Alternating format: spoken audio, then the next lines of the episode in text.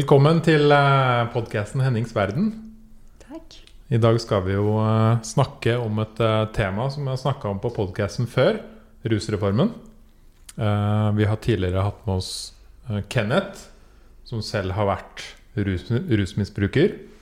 Eh, Vi har hatt med oss eh, Andreas, som har skrevet boka 'Ulovlig medisin', som er lege. Og vi har hatt med eh, psykologen Ivar, som også eh, jobber innenfor området. Og, eh, og har veldig lyst til at denne reformen skal gå igjennom. Og i dag har vi med dere Ina og Bård.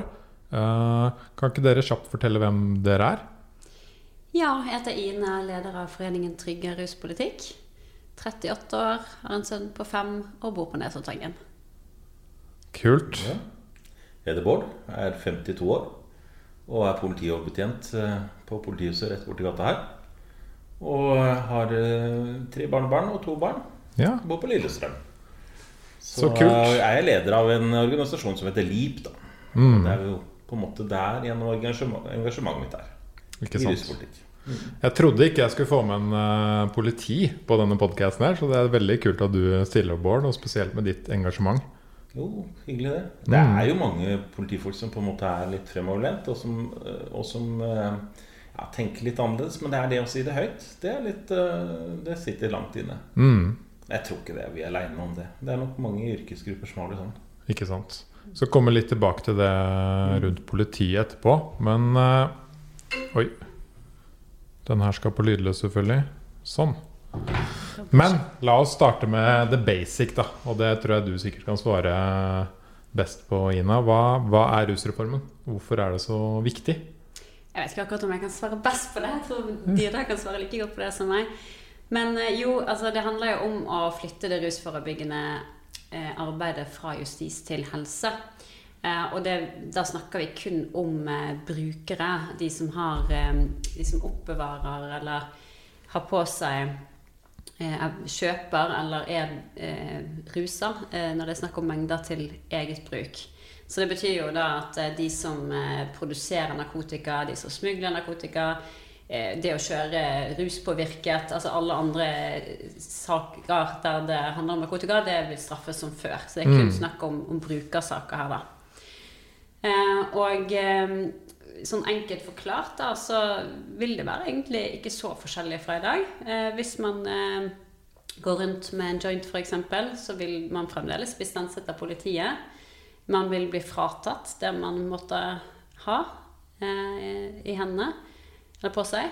Eh, og man vil eh, bli pålagt å møte til rådgivning i en eh, sånn kommunal enhet. Mm.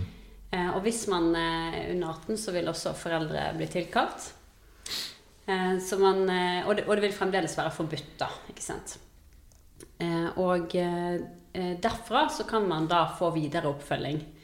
Eh, og det vil jo være litt forskjellig. Noen har kanskje ikke så stort behov for oppfølging.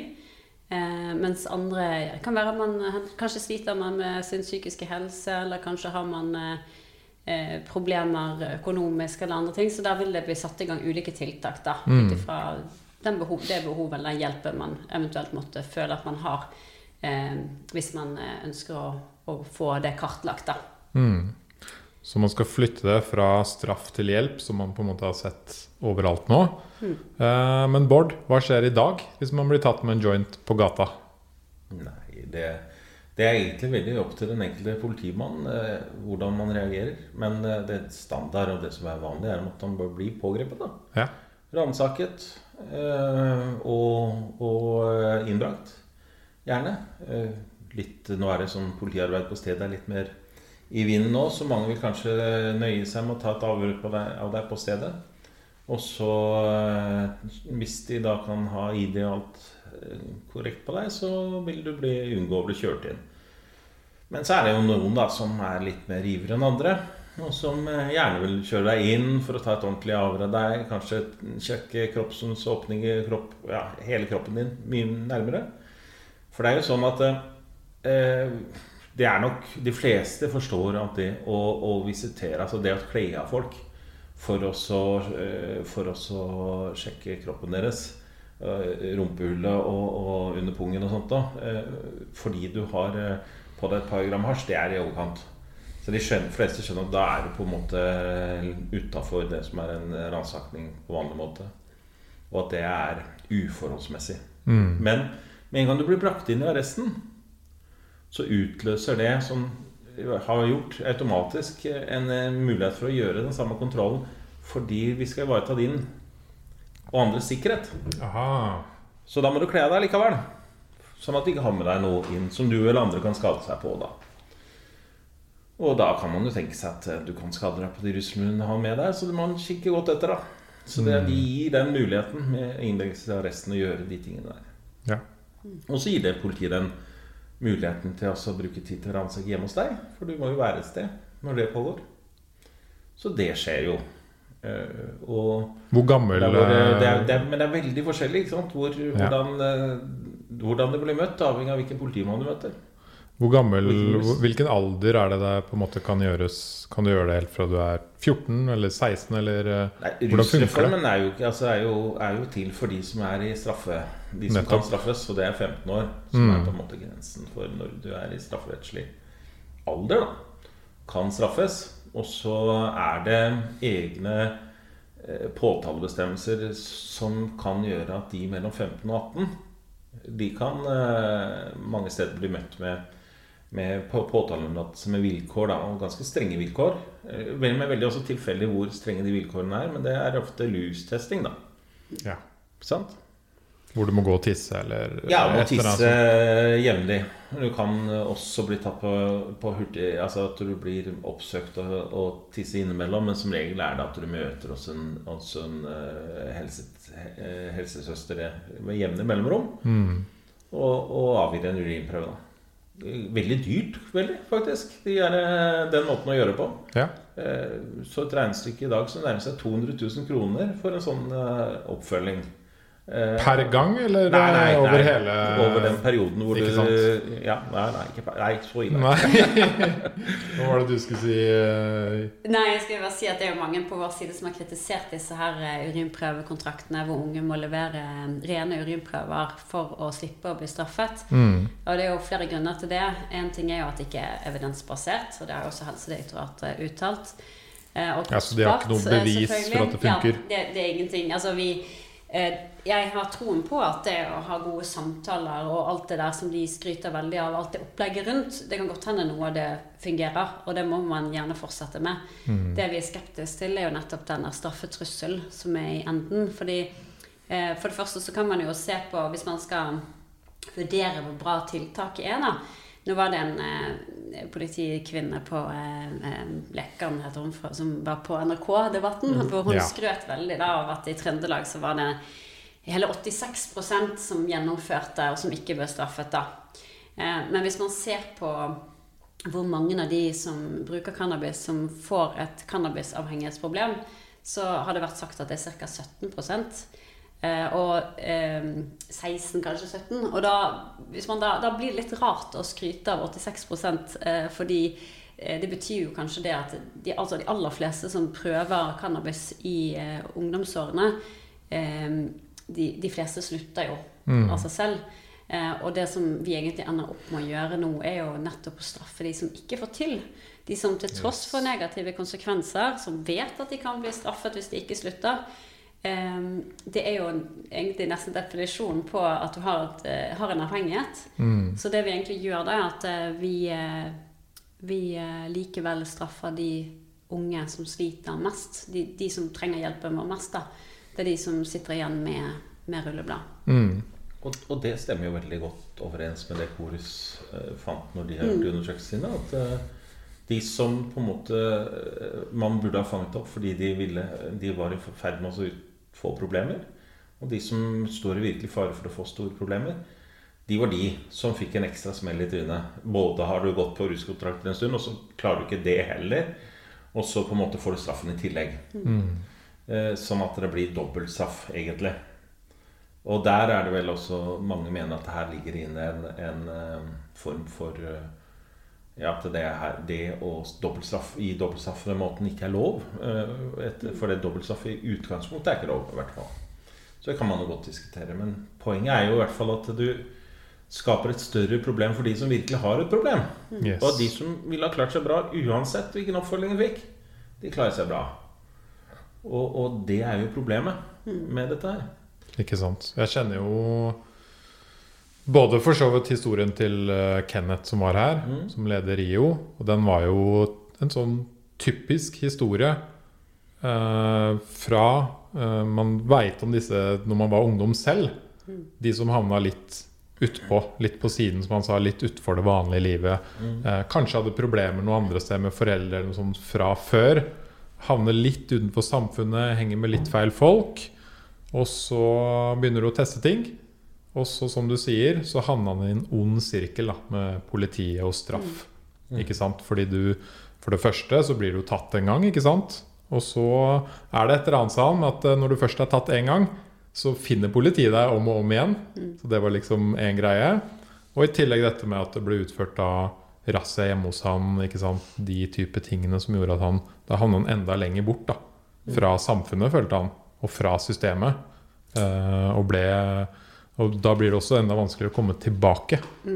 Og alle har hatt sånne venner, eller sett disse folka selv. Og så er det jo noe med det å få en kriminell identitet i ung alder. Ehm, da jeg var liksom i tenårene, så var jeg liksom kanskje litt i overkant en snusfornuftig periode. Men eh, eh, da jeg var litt yngre, kan liksom bare tenke hvordan det kunne ha formet mitt liv i feil retning. da.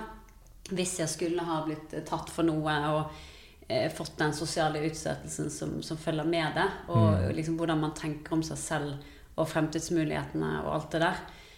Ehm, så, så jeg tror det er veldig skadelig. Og så siden vi snakker om urinprøvekontakter, så vil jeg også bare ta inn dette med at det vi også vet at dessverre skjer eh, Vi vet ikke hvor ofte det skjer, men vi vet at det har skjedd i hvert fall. Det er jo det at eh, når unge vet at de kan risikere å bli straffet, og de da ikke klarer å holde seg rusfri, så er det veldig fristende for noen å bruke stoffer som ikke vises i prøvene, mm. prøvene, som ikke man leter etter. Eh, Så da kan man gå Som på er GHB, man kan gå på syntetiske cannabisvarianter, som er Mm. veldig mye farligere eh, en del av de. Og eh, egentlig da blir dyttet ut i et eh, rusbruk som, som er mye verre enn det de egentlig hadde som utgangspunkt. Jeg har også en eh, historie til en ung gutt som kom innom vår forening. Han hadde en mor som alkoholiker, og flere i familien som har slitt med alkohol. Og han valgte da å røyke cannabis en sjelden gang. Han var 17 år. Eh, eller 18 kanskje, eh, da han ble tatt. Eh, og hadde ikke et cannabisproblem i det hele tatt. Eh, men ble satt på disse her prøvene og, og eh, eh, klarte jo å la være å røyke cannabis. Men han følte jo, som han sa til meg, et veldig sånn økende press for å drikke alkohol. Ja. Uh, og for han, da, hvor han vet at det å drikke det, det, På ene siden så blir man da mer Det er lettere å Ikke sant? Det er jo et sosialt lim på fester og sånt. Så når man ikke har noe annet, så, så føler man jo veldig på at man er tomhendt. Um, så jeg var jo Jeg vet ikke helt hvordan det går med han i dag, men jeg ble veldig bekymret da jeg fikk høre at han hadde begynt å drikke alkohol. Uh, og jeg lurer jo liksom på om Det kan jo ikke være det som er intensjonen når man setter de unge på på sånne kontrakter. Um, og da blir det litt sånn trist, fordi hvis man da skal evaluere de kontraktene, så vil man kunne si at ah, enda en suksesshistorie. Fordi her hadde vi en som begynte å bruke cannabis, og så måler man, og så ser man at han har sluttet med det. Hurra. Men så ser man ikke går det bedre med denne personen. ikke sant? Har man kanskje begynt å drikke alkohol og fått et alkoholproblem? Har man begynt med farligere stoffer? Kanskje sliter man mer psykisk enn man gjorde før man begynte på disse kontraktene. Så hvis man skal gjøre en ordentlig evaluering, så må vi liksom slutte å bare skulle måle hvor mye cannabis som er i blodet eller i urinen. At man må begynne å se litt mer helhetlig på, på situasjonen. da. Og det, det syns jeg mye av den straffepolitikken har bidratt til at vi har blitt litt blind for. Eh, Vi er så fokusert på disse stoffene at vi egentlig ikke ser helhetsbildet lenger. Og det syns jeg er veldig bekymringsfullt. Og det håper jeg at eh, Først og fremst håper jeg at rusreformen blir vedtatt, men jeg håper også at rusreformen kan gjøre at vi ser det store bildet, da. Um, og jeg er opptatt av å hjelpe mer enn å liksom skulle straffe for selve bruken av, av disse rusmidlene. Ikke sant? Mm. Nei, det er jeg veldig enig i. Og det er jo interessant det du sier. Fordi jeg satt her med en annen podkast-gjest, og han viste meg jo en av de største rusforskningene som har blitt gjort, som ble publisert i The Lancet, som liksom er den Å bli publisert der, da alle ekspertene har gått gjennom. Ja, ikke sant? Det, er, eh, det er på en måte der hvor du Da har du, da har du virkelig eh, noe å servere. Ja. Så blir ja, publisert der. Og den tar for seg hvor skadelig alle rusmidler er Mm. for deg selv og for andre rundt deg. Mm. Og der er jo ikke akkurat cannabis på toppen. Det er alkohol. Mm. Og cannabis eh, blant en av de er jo veldig langt nede. Mm. eh, som typisk blir snakka om da, i, i, i disse Det, det er jo sånn I hvert fall litt med midt på tre. Kanskje litt under Ja, midt på tre. Ja. Mens, mens det som er på en måte Hvis man syns det er morsomt å lese sånn litteratur, så er det jo det å se på LSD mm, og sopp. Som, som vi, vi virkelig har greid å demonstrere, i hvert fall i, i, min uh, generasjon. da Det LSD-brukere var jo klin gærne. Altså, det var jo noe av det verste man kunne gjøre. Og som man ser eh, realiteten bak det, så er det jo forsvinnende få oss muligheter til å finne skadevirkninger i det hele tatt. Og det handler, de skadevirkningene handler i så fall om atferdsendringer som personlig. Men veldig mange, og da tar man ikke med at veldig mange får har veldig positive virkninger av det også. Man bruker jo disse stoffene i, i, i terapi og Ja. sånne ting, og det er, det er jo en grunn til det. Så, så jeg eh, det, det var jo det som ble egentlig spikeren i kista for hele ruspolitikken vår. At man blir klar over eh, at den historien vi i politiet har fortalt om, om eh, rusmidler og hvor forferdelig farlige de er at, og, og hver gang det dukker opp noe nytt, så var den ene dramatiske historien over den andre om å gjøre oss å ljuge mest mulig, rett og slett. Eller fortelle mest mulig for å få oppmerksomhet. Jeg veit ikke. Eh, Når man finner ut at det er hult, at det ikke er noe i det lenger, så, så faller ofte litt Kanskje faller litt av fundamentet for, for den politikken vi har hatt, bort. da mm, så nå står vi igjen med et ganske sånn tomt skall som vi på en måte skal fortsatt bygge denne politikk på. Jeg tror fort vi kan havne opp i det at vi fortsatt skal straffe folk. Men da vet vi at eh, Da vet vi så mye mer. ja. Og, vet at, og de løgnene vi har fortalt i mange mange år, de går ikke hjem lenger. Eh, Og, og for meg så har denne rusreformen egentlig vært både en sosial utjevningsreform, en sosial reform. Veldig, blitt veldig opptatt av det eh, etter at jeg satte meg inn i dette her. Men også en, en, en politireform. Hvor det, hvor det handler om å være i stand til å møte mennesker på en annen måte. Eh, I stand til å se menneskene bak problemene, hvis det er problemene de har. Men heller å- også se bort ifra på en måte rusen som det som, det, det som identifiserer personen. da Det som er på en måte den markøren som sier noe om hvem du er. Mm, For det går jo ikke an å demonisere rusmidler i seg selv, for, for det er jo en ting. Ja. Så, så det nytter jo ikke. Eh, Det er jo menneskene som bruker dem vi demoniserer. Og så tillegger vi det mange egenskaper, onde egenskaper, da, for at vi vil jo fortelle hvor forferdelig dette er. Og, og det, gjør, det skader jo. Det skader oss, oss først og fremst, og vårt, vår relasjon til de menneskene. Så, så jeg har jo tenkt på rusreformen som en måte å, å få for, for vi i politiet har vært er rusavhengige, vi òg. På mange måter. Vi er avhengig av, av, av å de virkemidlene vi har, eller ikke har, da, som vi kanskje skal komme tilbake til, det er det vi ikke har. Men vi har liksom brukt dem allikevel. Ganske tøft mot ganske mange mennesker. Og, og, og, og, har bygd på en måte hele politisystemet rundt det. Og, og det å kutte bort det kunne gjøre at vi kunne ta tak i ordentlig, ordentlig kriminalitet. Da, for det er mer enn nok av det å gjøre. Og da, da tenker jeg på sånn kriminalitet som hvor andre mennesker blir skadet på en eller annen måte. mm, For skadefølgeprinsippet er på en måte veldig sentralt i det norske Det er et sånn fint ord, fancy ord, men det har en innhold i det. altså Det er noen som blir skadet av den handlingen du gjør. Du påfører noen eller samfunnet en skade. Og det må du bøte for. Og det blir du straffet for. Og, og straffen er ment å være, være merkbar. Den er ment å være et onde. Det er ment at du skal gjøre vondt. Og, og, og det er derfor vi har straffen.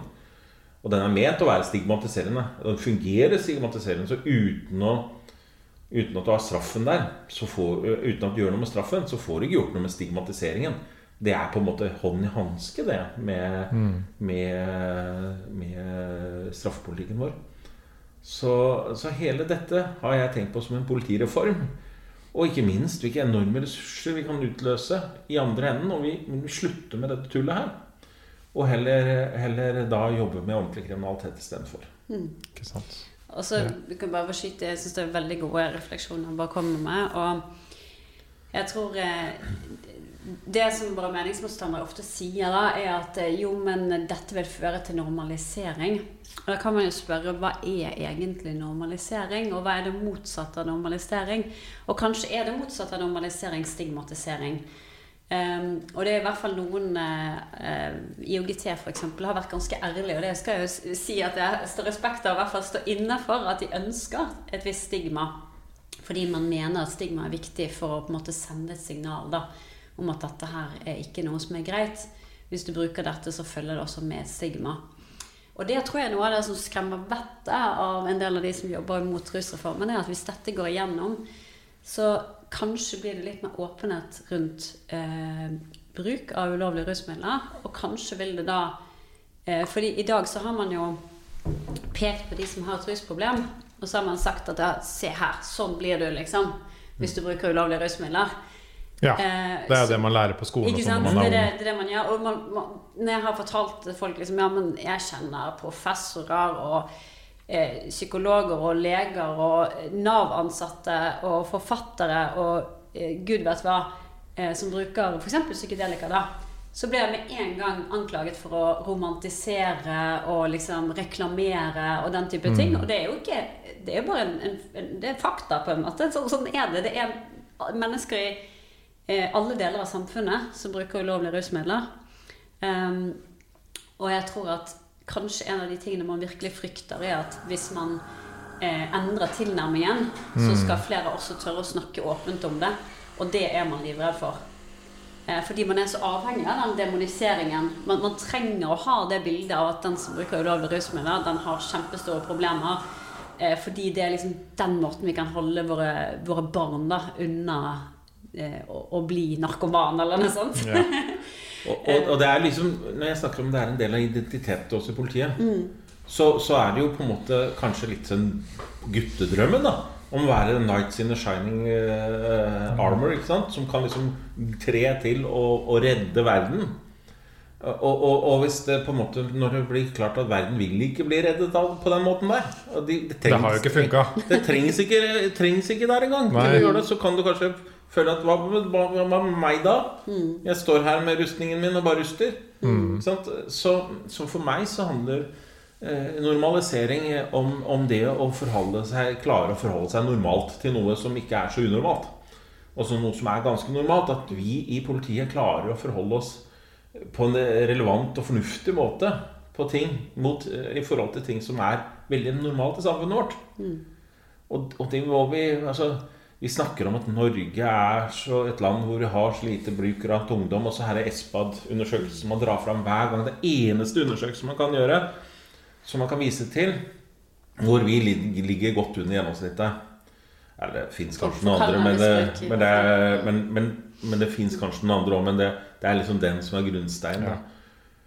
Og så glemmer man hva er det for noe? Jo, det er en spørreundersøkelse blant 16-åringer. Og det er ikke uvesentlig. Altså, det er en stor undersøkelse, det er en viktig undersøkelse, men det er spørreundersøkelse blant 16-åringer. Hvor i livet er 16-åringer i Norge i forhold til andre land? Jo, 16-åringer i Norge går på ungdomsskolen. Mens 16-åringer i andre land de er begynt på high school. Så eh, ja vel, men hva skjer hvis du flytter litt opp i alderen, da? Tredjeklasse på videregående skole, for f.eks. Hvor de på en måte har er vært i dette miljøet en stund. Er forskjellene så store da? Nei. Da er de plutselig ikke så store. Og, og hvis du går og ser på Hva med andre rusmiddel? da? For når vi dominoserer hasjen som vi har gjort, da, så vi, det har vært veldig effektivt i Norge. Det, det tror jeg vi har vært supergode på. Så, skiller, så blir det skillelinjene mellom andre rusmidler og hasjen også mye mer borte. Kanskje det jeg kan være med på å forklare hvorfor eh, de tunge rusmidlene har så stor plass som i bruk i det norske samfunnet. Amfetamin, vi er kjempegode på det. Altså gode, dårligere. Da. Vi- i. vi har jo glad i det. Ja. Ja. Vi bruker mye av det. Eh, kokain. Ganske mye av det også. Sikkert mye med økonomi å gjøre, det, da. Eh, eh, heroin Vi har det største overdosedødsfallene i, i Eller av de største i Europa. Det er ett land som, som trumfer oss på det aller meste når det gjelder det at det går dårligere eh, enn det gjør i Norge. Og de er strengere Ja. eh, på det meste enn det vi gjør i Norge, og det er Sverige. Ja. Så det er på en måte eh, look til Sweden, så ser du hvordan det Hvis du strammer skikkelig til, så kan du få det sånn. Men på den andre siden av skalaen, da, hvis du, hvis du åpner eh, mer opp, slutter å straffe, noe som i Portugal, har de eh, tall eller bevis for at det på noen måte funker? For det er det mange som spør seg. Er det flere som tester det? Er det Begynner flere unge og det, blir det flere misbrukere? For det er jo det alle tror. Eller mange tror. Ja. Nei, altså Det har vært gjort eh, veldig mye forskning på det. Man har ikke klart å finne noen sammenheng mellom straffenivå eller bruk.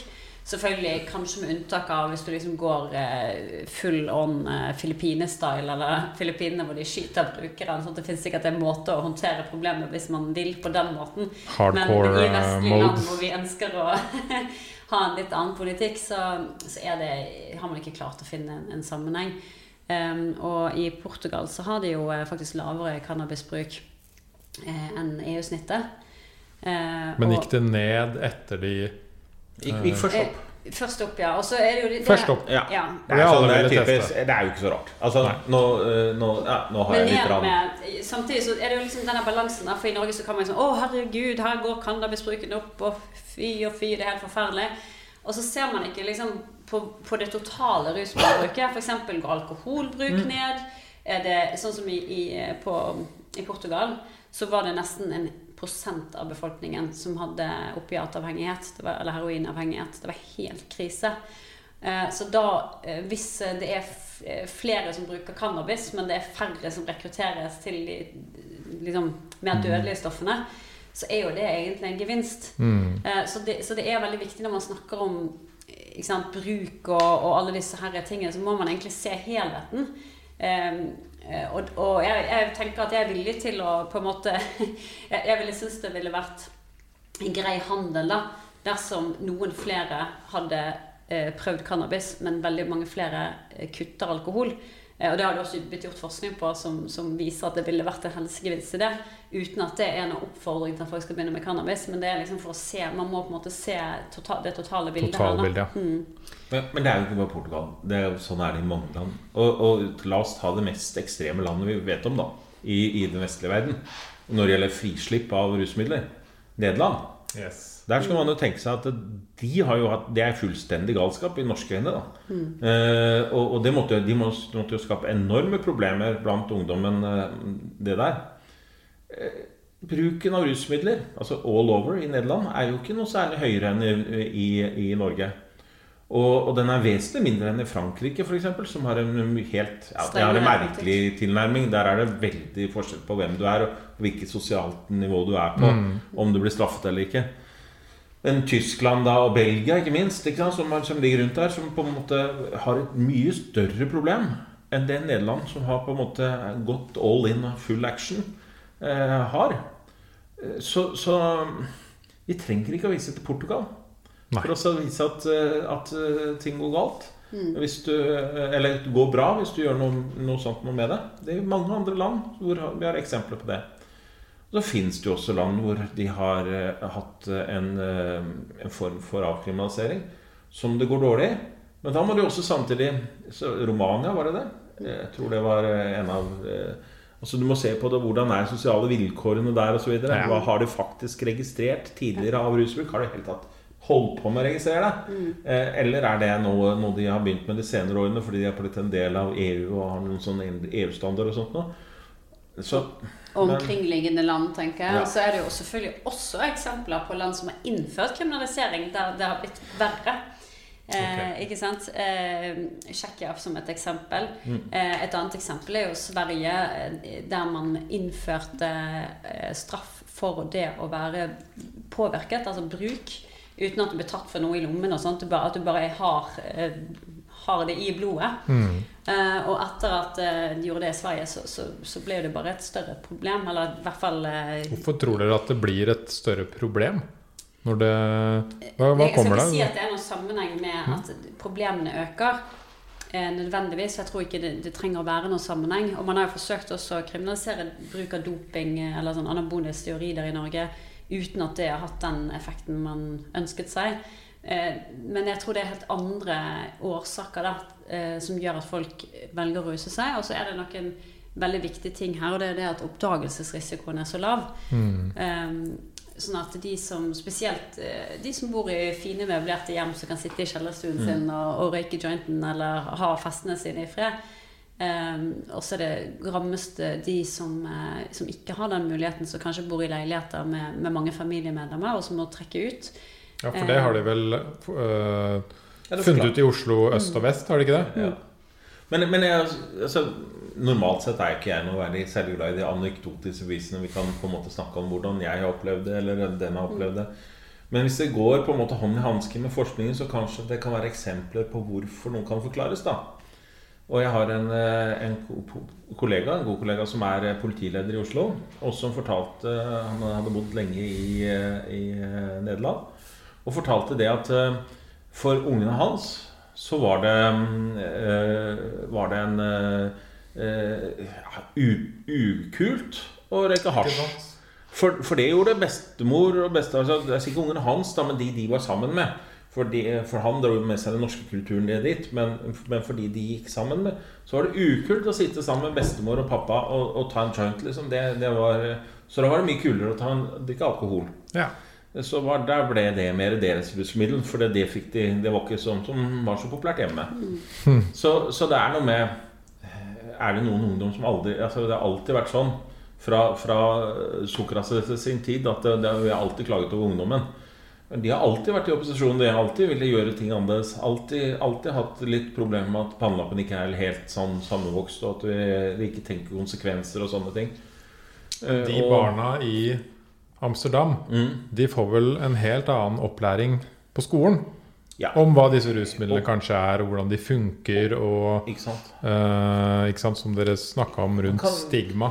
Og, og, og, ikke minst hvis man kommer over i damp at det, nå er det noe heroin eller noe annet stoff her som er blanda inn i fentanyl. Og som er et supersterkt stoff som er fort å få overdose på hvis du, eh, hvis du får det i deg. Så, så går alarmen med en gang. Fordi at brukerne tester jo. Ja. Og, og, og de, de, har full åpenhet om de problemene Eller det de har også. Og så er det billigere. Noe som har, og bedre kvalitet på heroinen. Og så følte jeg det er mye flere som røykere. Mm. Uh, og det, det, er jo flere ting som gjør at vi, vi setter sprøyte i Norge. Det er sikkert noe kulturelt der òg, men en viktig faktor er at du må ha riktig kvalitet. Og så må det ha en, en, en, Ja, det har noe betydning for prisen. I hvert fall tror mange av rusbrukerne sjøl. Jeg har faktisk ikke det. Fordi rusen sitter mye lenger i, men du får ikke det kicket som du får av sprøyta. Og det kan være også en årsak. Så Ine har rett i at det er sammensatt. Det er vanskelig å forklare akkurat hvorfor ting endrer seg. Men det er mange anekdotiske biskop som også kan forklare hvorfor det går dårlig. Mm når du kriminaliserer noe. For da blir det ofte forbuden frukt smaker best. Ja, vi har mange, jeg har hørt mange historier fra de som virkelig har fått problemer med rus, da, som fortalte at det var nettopp den eh, skremsel da, om hvor farlig det var, hvor forbudt det var, hvor bad boy du er, liksom, eh, hvis du mm. prøver dette, som, som skapte den tiltrekningen. Mm. Eh, og, og, for folk som har det fælt, og som noen har jo et ønske og et behov om å drive selvskading eller er veldig deprimert eller trenger å liksom gjøre noe da, for å bare kjenne at de lever. Eh, og da kan jo et sånt budskap virke ganske tiltrekkende, egentlig.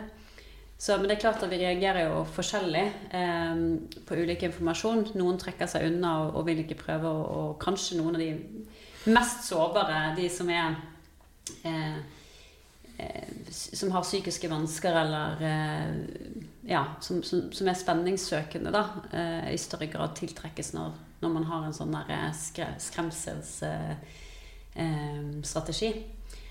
Og så tror jeg, som du var inne på, at det Du snakket om liksom de ulike rusmidlene og hvor de plasseres med tanke på skad skadelige de er.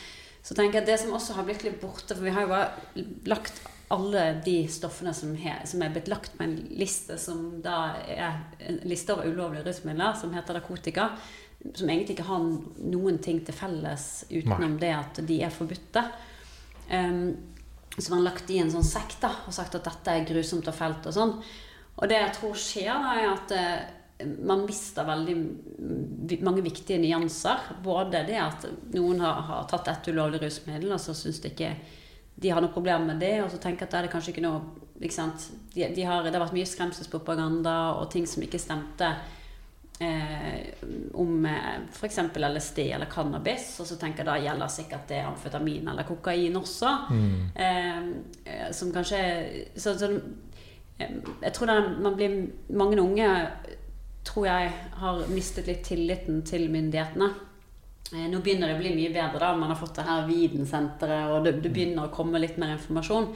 Men jeg tror det er helt kritisk at vi tenker nytt. At vi innser at eh, disse stoffene Det er ingen som vil at unge skal ruse seg. Det Selvfølgelig tror jeg ikke. enig. Ikke? Og og kanskje i en ideell verden vil noen mene, så er det ingen som ruser seg i det hele tatt.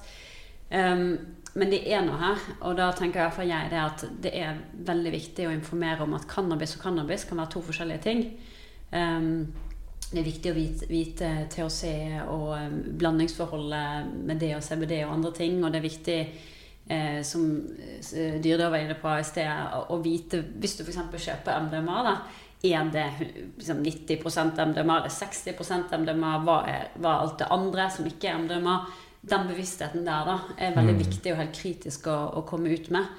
Um, og jeg forstår at veldig mange av de som ønsker å demonisere både stoffene og de som bruker det, syns at det er skummelt, men jeg mener at det er helt kritisk for å forebygge at uh, unge liv går tapt, og at uh, uh, redusere skader, da.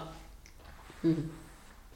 Ja, og så er det sånn typisk sånn partydupp som MDMA er, så er det også eh, andre varianter av det, som PMMA, som, eh, som er et helt, har helt andre virkninger enn. Og hvis du ikke kan snakke åpent om, om hva, hvordan det er, og ikke har mulighet til å teste det, men heller ikke kan snakke med andre om, om det fordi at det er så hemmelig, så, så vil du fort kunne ta én dose, og så virker jo ikke den. For det tar dobbelt så lang tid før det virker, i hvert fall. Og så tar du en dose til. Jeg er fortsatt ikke fornøyd. Det ble liksom ikke den partystemningen det pleier å bli. Tar vi en dose til, og så er det en overdose.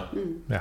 Ikke sant? Og, og, og, og det kan være litt vanskelig å prate om det, eller å finne ut av det i hele tatt. Og, og i hele tatt det at man har rustesting, da, som man uh, har i mange land hvor det er strengt forbudt med, med narkotika, så har man tillatt det. Så handler jo det rett og slett om å redde liv.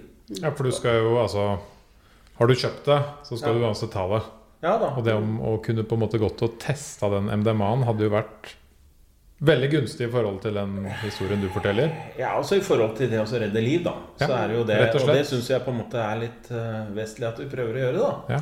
For det er, jo, det er jo mennesker som er, som, som, som er Ja, som er unge, og som på en måte er for Det er store ressurser for samfunnet, og det er forferdelig for de som er pårørende, og, og ikke minst altså for den som det gjelder også.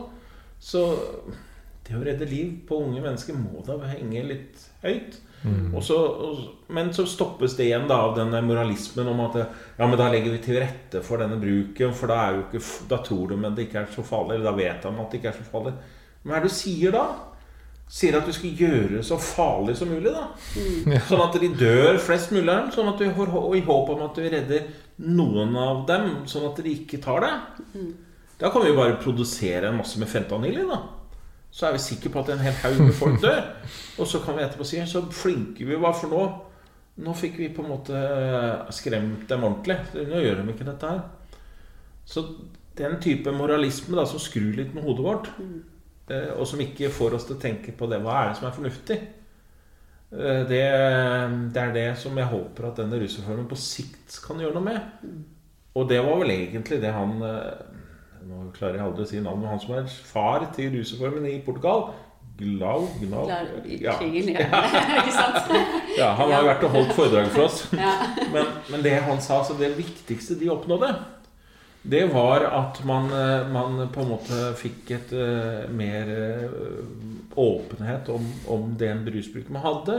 Ja. Og at man unngått, unngikk alle disse her stigmatiserende tingene. Man- Altså man rett og slett fikk mer åpenhet i samfunnet. Og derfor fikk også større mulighet til å gjøre noe med de problemene man hadde der.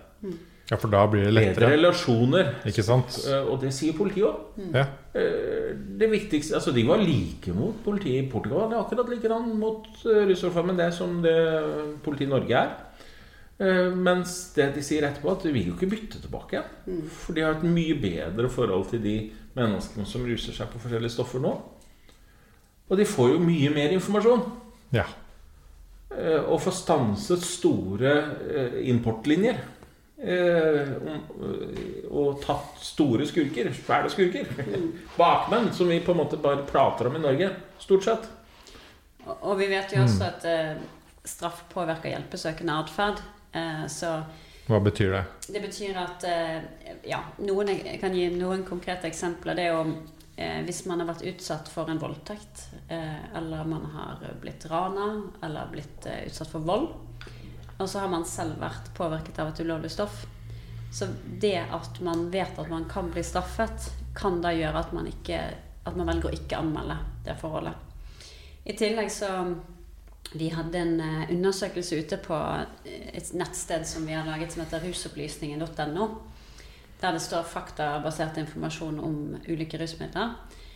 Ehm, og der er det mange tusen brukere inne og sjekker. Og det er ikke sånn at vi har reklamert for den siden. Det er folk googler MDMA eller et eller annet, og så kommer de gjerne inn på den siden. Så de kan lese og forstå bedre om rusmidlene? Ja, sånn at Ja. man kan se litt mer eh, ikke sant? Sånn at de kan gjenkjenne hvis det, de har fått noe annet, og de kan ja. vite hva slags rusmidler man bør være forsiktig med å kombinere og sånne ting. Um, så vi la ut en, eh, en undersøkelse der. Ehm, og fikk hjelp av vår rådgivende fagkomité til å stille nøytrale spørsmål, så ikke vi skulle påvirke. Så da stilte de spørsmål om de hadde vært i en nødsituasjon knyttet til ulovlig rus, og, og ehm, eh, og hva som skjedde, og om ambulanse ble tilkalt. Og, og i så fall, hvis de sa nei til det, da, så var det sånn hvorfor, og så var det mange alternativer. Eh, og det var sjokkerende resultater, vil jeg si. Um, det den undersøkelsen viste, var det at eh, nesten 38% av de som har vært i en nødsituasjon knyttet til ulovlig rus, har opplevd at ambulanse ikke har blitt tilkalt. Um, og at eh, det de sier var den viktigste årsaken til at ikke det skjedde, var frykt for politiet. Jeg har opplevd det mange ganger selv. jeg. Mm. Vært på flere fester, og nå har jeg jo vært i rave- og teknomiljø i mange år. Mm. Masse private fester, masse offentlige, og det har jo skjedd flere ganger at uh, noen har uh, tatt litt for mye av et eller annet. Uh, kanskje flere ganger, som du sa, Bård. Og så har de havna på gulvet eller softa, sofaen og liksom Det der ser ikke bra ut. Men det er heller ingen som har lyst til å ringe sykebil. Man vil heller liksom se det mm. Eller politi. Og det er en helt Det blir jo en forferdelig dårlig kultur da, rundt det der. Man skal heller vente litt og se. Ikke sant? Ta sjansen på at Nei, du, bare la den ligge litt. Eller gi den litt vann og liksom klappe litt på hodet. Fordi ringer du nå, så blir alle tatt. Ja. Da er vi fucked. Ikke Da må alle forlate denne festen bare la han være igjen med en person som finnes noen her som kan være igjen med han, som ikke risikerer straff. Ja. Festen er over. Og det skjer ofte. ja. Ikke sant? Som du sier i den statistikken. Det er Og det er ganske, jeg synes det var helt var direkte pinlig når FHI i sitt høringssvar på en måte insinuerte at det ikke straff har noen innvirkning på, på hjelpesøkende og liksom henviste til at det var veldig mange som hadde vært i kontakt med hjelpeapparatet eller eh, vært i behandling eller sånt da, eh, før eh, ja, Hva var det for noe? Før overdoser, tror jeg. jeg. Ja, ja. Så det hadde på en måte vært, det, vært i kontakt med helses, Ja, helsesystemet før eh, overdosen inntrådte. Ja, Og og derfor det, derfor så har det ingen betydning. Eh, det, det blir en sånn jeg, jeg må jo si at jeg er ganske skuffet over både FHI og Seraf i, i dette her, men, men det eh, og, og, Nei, altså det For du har vel også Det- vært i kontakt med helsevesenet? Jeg tror kanskje mange av de som du har opplevd og vært i sånne situasjoner, også har vært i kontakt med helsevesenet. Eh. Men jeg tror, tror ikke liksom Det er jo ikke det som er problemet. Det er jo ikke det at vi, eh, Men det er jo det at nå er situasjonen sånn at nå, hvis de kommer nå, så kommer jo ikke ambulansen alene. Da kommer de i følge med politiet. det, er det, s- Og- alle, og det, er det det- alle tenker. Ja, Og sjansen for det er ganske stor hvis du er på en teknofest. Yes. Og det er ikke så rart, for du vet ikke hva som møter deg. Nei. Og, og, og da, da blir det på en måte Det er situasjonsavhengig, det. Mm. eh, Om hvorvidt det er et problem eller ikke. Det handler ikke om eh, om det er en positiv opplevelse med helsevesenet generelt, eller noe sånt, eller Nei, om nei, du har nei, tillit til politiet generelt, syns de er ålreite folk. Du, du bare skjønner at det, gjør jeg det nå, så går, kan det gå dumt. Dårlig. Ja, selv om helsepersonell har jo taushetsplikt. Mm. Eh, men det ene er jo hva som faktisk er realiteten, en annen ting er hva folk frykter. Og så er det jo det at det hender jo faktisk at politiet kobles inn hvis det f.eks. har vært en, eh, en overdose. Eller hvis eh, det er en rusutløst psykose hvor noen har en eh, utagerende atferd. Eller noen ikke sant, det kan være støy eller andre ting som gjør at sant, politiet eh, kobles inn. Mm. Og, den, og så er det jo historier da, som sant, eh, folk har fått høre om en eller annen som ringte ambulanse og ble straffa selv. Og, og det vet vi at altså, Min kollega eh, Dagfinn har jo eh, hatt klienter hvor, eh, hvor eh, de ble forsøkt straffet etter å ha, ha ringt ambulanse. Så det vet vi jo skjer. Um, og så syns jeg det, det er Men det er liksom sånn det, kan, det skjer sikkert av og til, men det verste oppi alt der er jo som vi tidligere snakka om, folk kan faktisk dø, ikke sant? Ja, det er akkurat Og, og, det, og dette er jo Nå vil jeg si at det, det Kulturen rundt det har vokst ganske mye f.eks. i teknomiljøet. Mm. Vi, er, vi ringer med en gang. Altså, folk er ikke så redde for det lenger.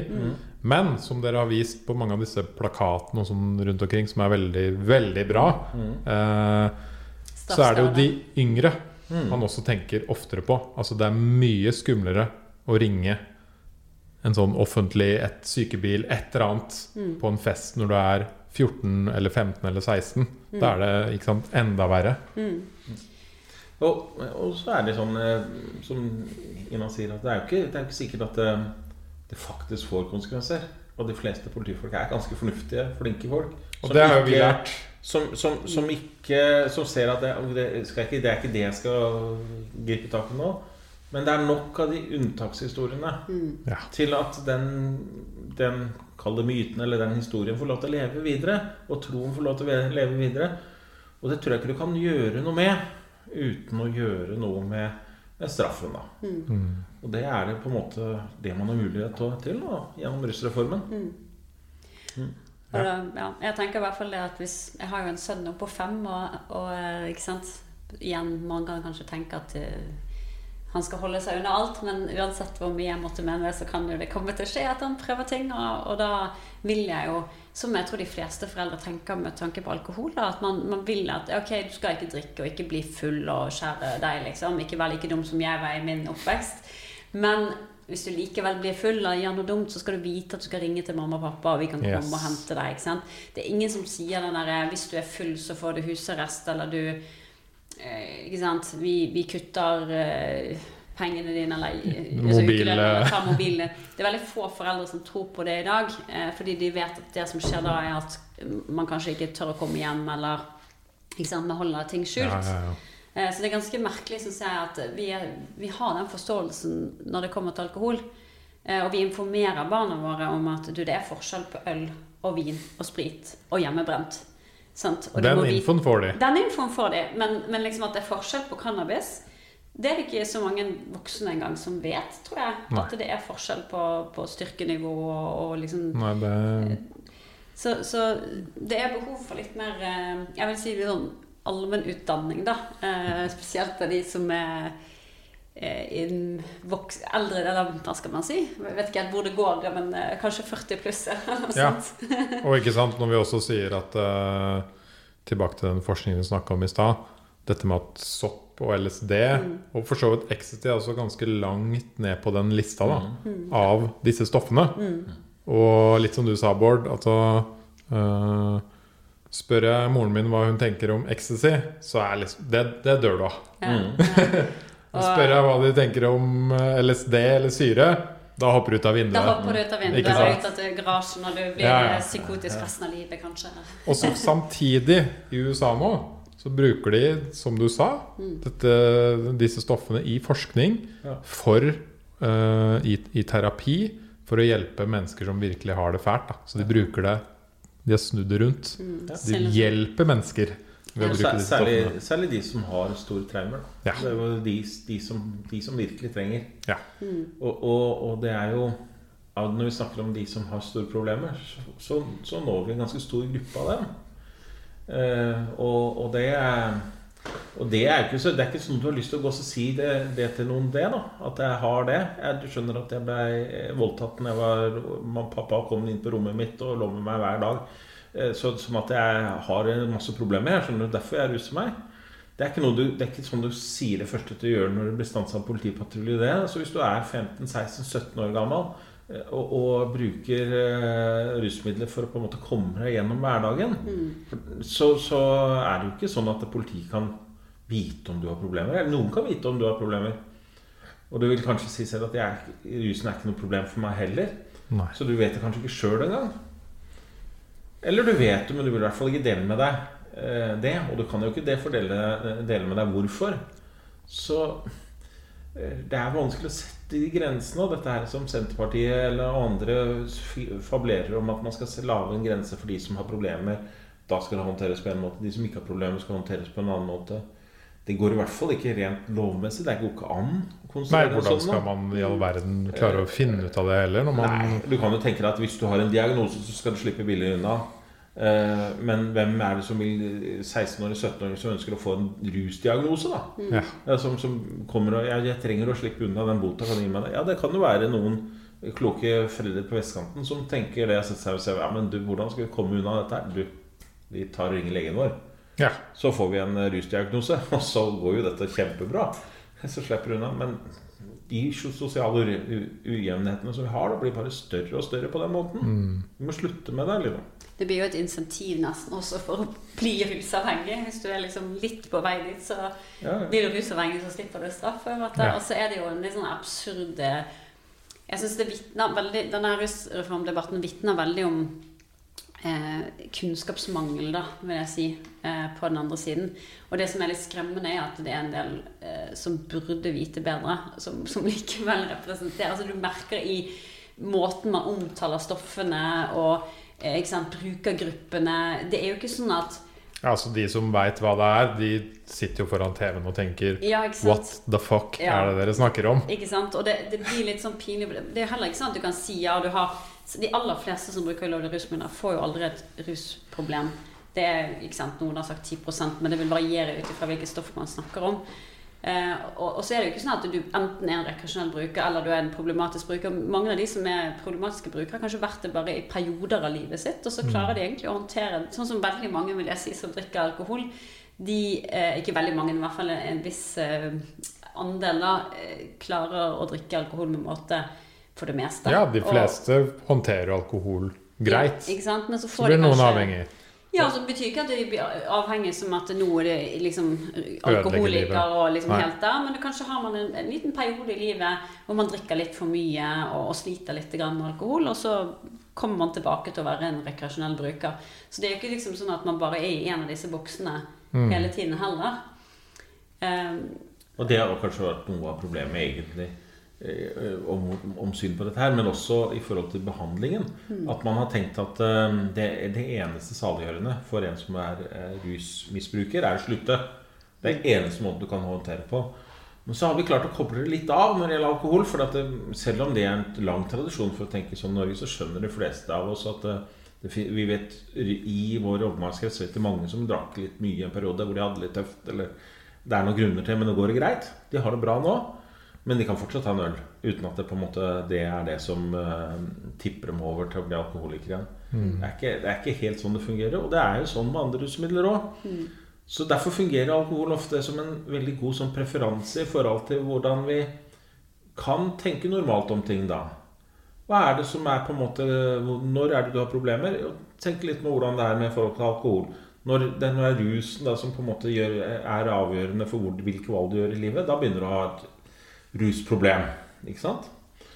Så, og, og, sånn vil det være kanskje med alkoholen også. Ja, men jeg, jeg vet jo det, jeg drakk litt mye da. Jeg, da måtte jeg skjerpe meg, for det ble, gikk jo litt over styr. ikke sant? Jeg fikk, mm. betalte jo ikke regninger. Ja, det, det funka jo ikke på skolen. Periode. Det var en dårlig periode på skolen. Ja. Eh, det var mye festing da. Skjerpa jeg meg, så gikk det jo bra.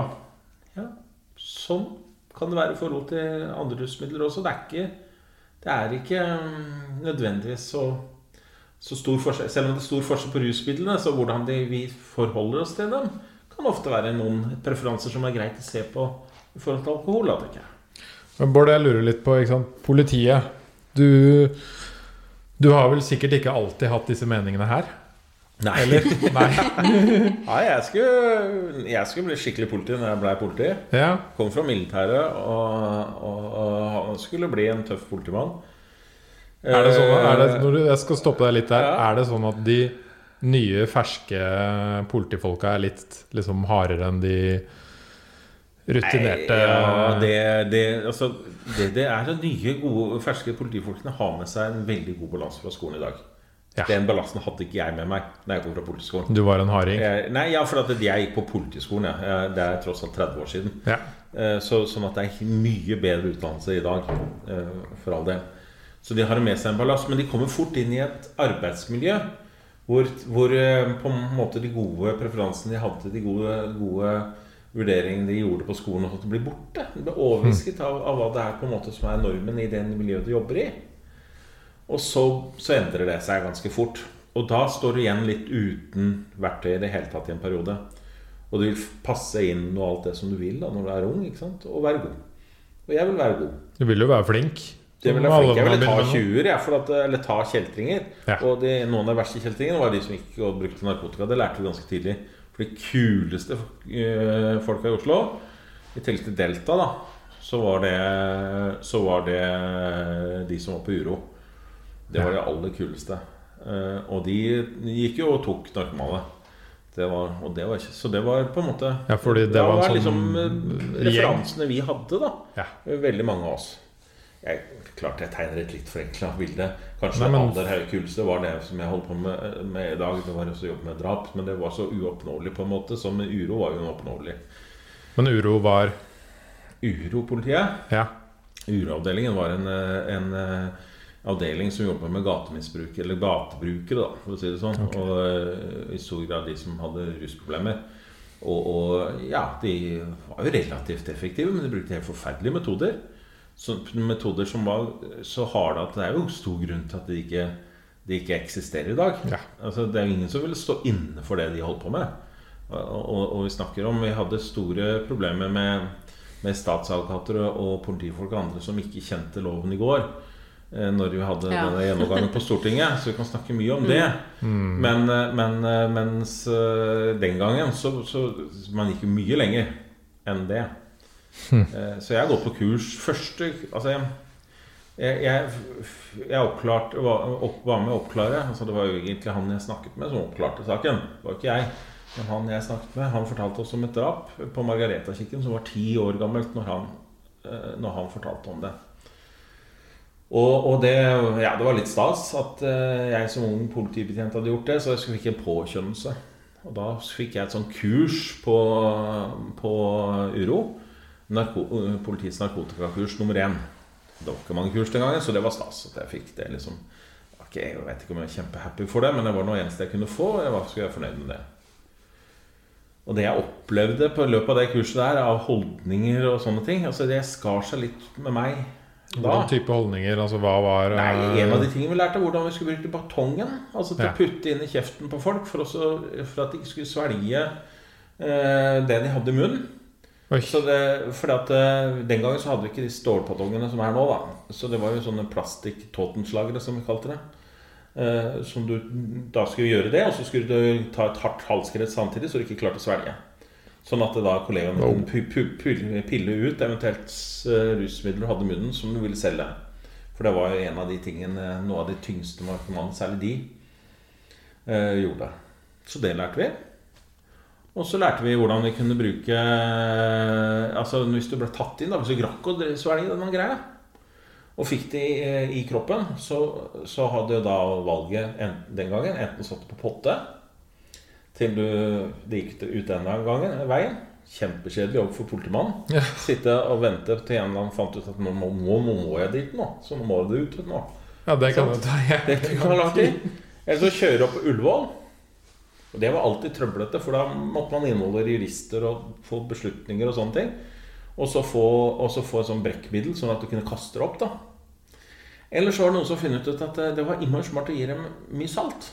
Hvis du da tok et sånt glass med vannet der, fylte det opp med en god del salt, og så fikk folk til å drikke det, så brekker du deg. Mm. For det tåler ikke kroppen din. Det er ganske hardt mot kroppen. Så den vil ha det opp, så sprekker det. Og da kaster du opp, og så kommer det opp den greia du har eh, svelget. Og, eh, og det er klart det, altså Når du gjør det mot tunge narkomane Var du også med å gjøre det, eller var det Det som skjedde da, var at jeg ville ikke det. Du, du Jeg, nekte, jeg ville ikke, jeg fikk beskjed om å gå og blande mer vann. Salt eller hente mer vann. Så du kunne, jeg ville ikke. Jeg ville ikke være med på det. Og det ble kjempebråk. Og jeg fikk beskjed om at eh, altså, og, og da fikk jeg først beskjed om Da sitter du på potta med han resten av natta. Det var ikke noe overtid den gangen. Det var ikke noe betalt for å sitte på. Ja, men, sånn var det. Eh, Men de, de ordna seg, da. Han brakk, han brakk seg og brakk seg og brakk seg. Fikk mer salt. Det var ikke jeg som sto for det, men han gjorde det. Fikk jo ikke opp noe, så jeg gudene veit om han hadde noe eller ikke der. Og det, det ble ikke noe ut av det. Men dagen etterpå så ble jeg kalt inn til sjefen for kurset og fikk beskjed om at eh, nå eh, det, det, det kunne være første gangen noen ever hadde blitt kasta ut av dette kurset her. Og jeg lå så tynt an. Hvis jeg gjorde noe som helst sprell nå, så ble jeg kasta ut. For å gjøre noe som Altså For å nekte å gjøre noe som åpenbart var ulovlig. Ja, ja, ja. Eh, For det er farlig å gjøre sånn. Altså, salt Du får ikke, får ikke mennesker til å drikke saltvann. Nei. Eh, og i hvert fall ikke hvis du er på en måte allerede en person som, som kanskje er dehydrert. Og, og hvem er jeg til å gjøre den vurderingen? Altså, eller de kollegaene mine. Vi er ikke med, Påstanden var at det var en eller annen lege som hadde sagt at det var greit å gjøre det sånn. Så, Hva skjedde videre da? Altså, Nei, det skjedde ikke noe videre at jeg Nei, ikke med den historien, men Fullførte bare kurs og fikk Ja. jo det kursbevis og har jo det fortsatt. Så. Men jeg tenker mer på, på når, var- når var det du endra meninger? Og begynte å tenke at dette, dette er ikke sånn det skal være? Det var nok før det at jeg begynte å stille spørsmål med, med hva vi gjorde for noe. Eh, men eh, men eh, For det jeg var ganske tøff i trynet når jeg tok den der greia der. Jeg husker på jeg var bare et par-tre år ut ja, ja, Tre-fire år gammel i etaten. Ung. Ja. Eh, og, og mye yngre enn de som sto over meg. Og folk som man, de fleste så opp til. Kanskje ikke så mye mine forbilder lenger. Og en annen vei jeg ønsket å gå. Jeg var der fordi at det var det eneste jeg fikk, så det var ikke så, det var ikke så viktig for meg. Det var ikke min karrierevei lenger da, så jeg turte å ta den fighten. Men eh, jeg tror første gangen var egentlig ikke Jeg gikk jobba på Sentrum politistasjon. Jeg gikk mye fotpatrulje. Og, og når du går uniformert fotpatrulje, blir ikke tatt mye tyver da, vet du. Får ikke det Får ikke liksom eh, det hakket i beltet, eller hva man skal tro. Det gjør ikke det. Men vi prøvde nå, ikke sant? Og, og, og, og ja Jeg er selvutleverende, men det er jo det er foreldre på. Jeg tok, jeg tok tak i en, eh, en som var en tung rusmisbruker. Gjorde det som vi pleide å gjøre. Satte den opp etter veggen, ransaka. Og, og eh, jeg hadde med meg en klok kollega som dessverre sluttet i politiet nå. Men han var klok kollega og sa at det der er jo ikke greit. Og, og han blei så irritert på det at han begynte å gå. Og, og jeg blei jo irritert på han, for jeg, dette var jo sånn vi skulle gjøre. Mm. Men det var det første gang jeg fikk altså, Jeg måtte tenke meg om. Han hadde jo rett, ikke sant? Det var jo jeg som var idiot. Eh, og så kommer Bresil og andre og sier ja, men sånn gjør vi ikke. Vi er jo snille, bare snille. Men det var liksom det som var gjengs den gangen. Det var sånn vi gjorde det. Mm. Eh, jeg var kanskje ikke så veldig god på det, så, så jeg var ikke så finess, finess der sånn. Eh, men jeg skjønte i hvert fall at dette sånn kan jeg ikke gjøre. Han hadde helt rett. Så det var vel første gangen. Ja. At jeg på en måte fikk en sånn eh, Wake up jeg er call. Ja, litt wake up call på at dette er ikke greit. Liksom. Mm. Mm. Ja. Ja.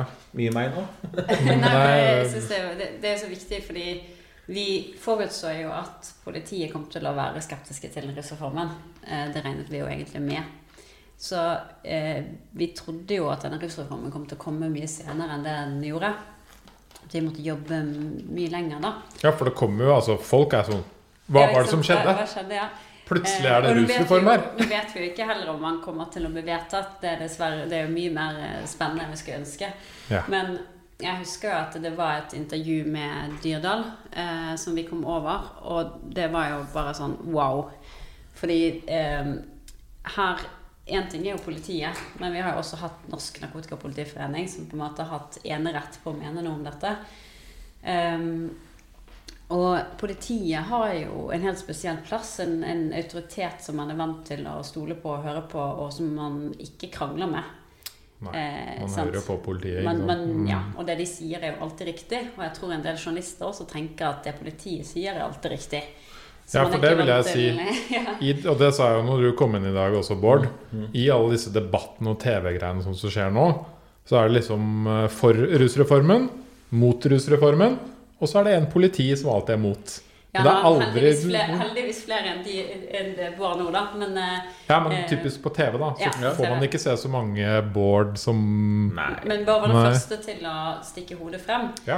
Eh, og jeg husker jo at eh, da jeg ringte deg en gang eh, hvor vi liksom snakket om det, så, så var du ikke så veldig interessert i å engasjere deg, fordi du hadde jo møtt veldig mye motstand på arbeidsplassen, naturlig nok.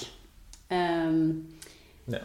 Jeg vet ikke om du vil si noe mer om det, men Nei, nei, det, så det, det, er, det er Hva er det som skjer?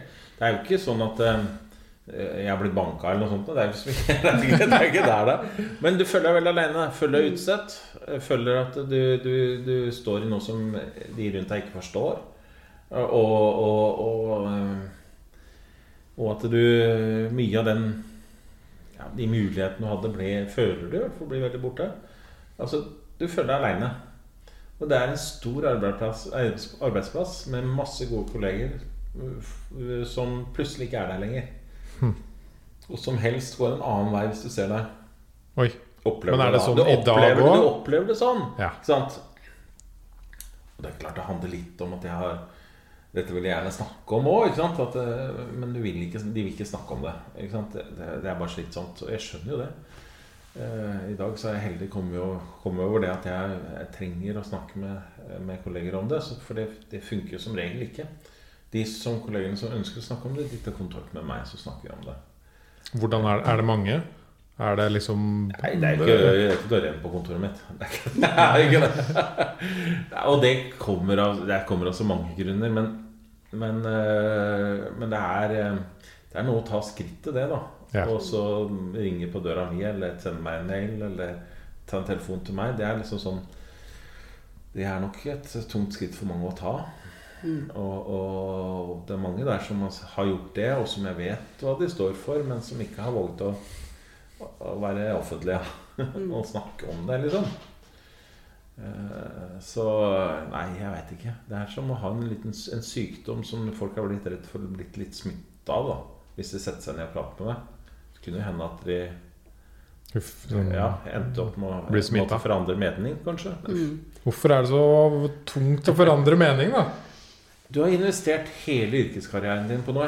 Ja. Så jeg øh, Når jeg gikk det kurset på narkotikatrinn nummer én, så, så var det på en måte avgjort. Jeg kunne jo ikke søke uro etterpå, så det kunne jeg bare glemme. Mm. Men det var ikke så farlig for meg da.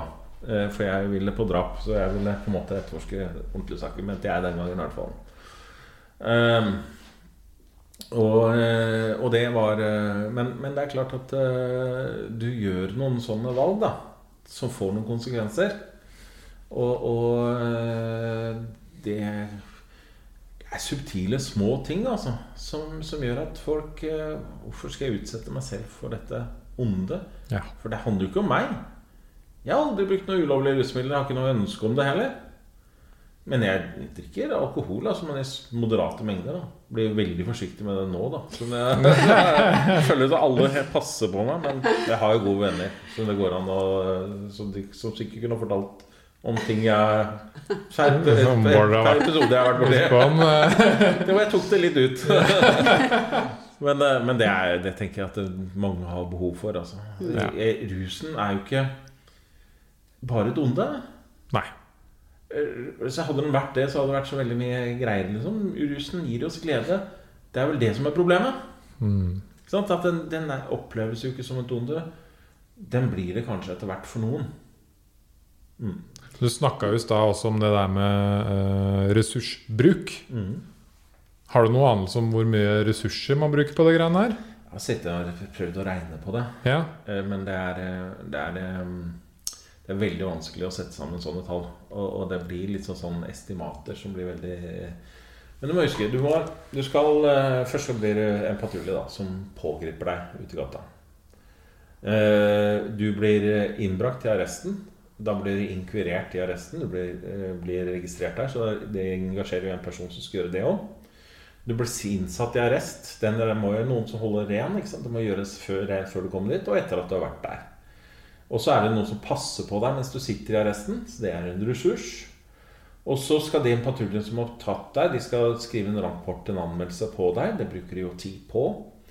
Eh, De vil kanskje da begynne å titte på telefonen din nå, som noe som vi ikke har lov til sånn i hovedsak når det småsaker, men det har vi hatt en tradisjon for å gjøre. Bruke tid på det. Tappe kanskje informasjon fra den. Gjennomgår den. Det kan bruke lang tid på. Og så skal du eh, kanskje hjem til vedkommende. Ransake huset hans. Eller huset til enda verre, hjemme hos foreldrene i full uniform. Eh, Banke på døra og ransake rommet eh, så, så alle navnene ser på. Det er jo ikke liksom Ja, rusen rammer mange, ja. Men det er mange grunner til at rusen skader mange. Det kan være også reaksjonene vi har på rusen, som gjør det. Eh, Så det kan jo engasjere en patrulje, hvis du ønsker det. Og så skal de inn og så skrive rapporter om det. Finner du noe, så må vi jo anmelde det også. Eh, Og knytte det til deg som person. Mm. Det er jo, er jo noe. Og så skal det en jurist til som skal ta en påtaleavgjørelse dette her, eh, av hva du har gjort for noe. Eh, og skrive en bot, eller hvis du er tatt med litt mer eh, heroin, så skal det ikke så mye til. Eh, så, så er du ikke bøter lenger. Eh, så, du, så risikerer du å få, å, å få skal ha en straff, da, en betinget eller ubetinget fengsel. Så er det plutselig over i at du skal da fremstilles for en eh, dommer. Og så skal det inn i sone. Så det er mange Eh, ledd. Så det, er på, ja, du, det er da de tilfellene sone og dom. Det er da tilfellene Ja, hvor det det- ligger oppimot uh, grenseverdiene. Eh, ja, hvis det hadde vært fem gram, så hadde det i hvert fall fem gram ville definitivt ført til fengsel. Mm. ikke sant? Men det er jo ikke, de grensene er ikke lenger. Nå er det to gram. Ja, Du ligger i grenseland der. Litt avhengig av hvor du kommer hen, hvor, hvor du er hen. Om det ender opp i direkte fengselsstraff eller ikke. Ja. Men det er jo bare et stort system. Det er, jeg bruker mye tid, men jeg bare det er utrolig mye ressurser det binder opp hele veien mm. i politiet. Og vi har Og hvis du da er ungdom, så skal du kanskje ha en oppfølgingsplan, ikke sant? Mm. Og så skal du ha, og så skal du ha en, en samtale med politiet. Eh, og ja, så det er, det er mye som eh, det, det binder opp veldig store ressurser hos oss. Jeg tror ingen ordentlig har satt seg ned og så tenkt, tenkt på det. Fordi, eller regna det ut. For det er utrolig mange sånne småsaker. Ja. Det er jo hovedsak småsaker vi, vi, vi har. Selv Altså, Så det er jo i hovedsak småsaker man har i altså vi har jo, det er en grav som viser hvor mange tunge saker det er. Og hvor mange småsaker det er. Og fram til på en måte 2014 så gikk den der med store småsaker bare rett i værs.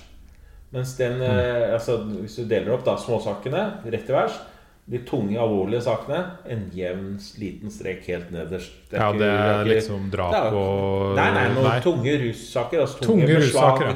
Store beslag, Ja, da, ok. store narkotikasaker. Det er på en måte Det er ikke noe Selv om vi har blitt mer avansert og fått nye metoder og alt dette her, det er ikke så mye mer av de som Så man tar bare er mange, flere av de straffedømmes for.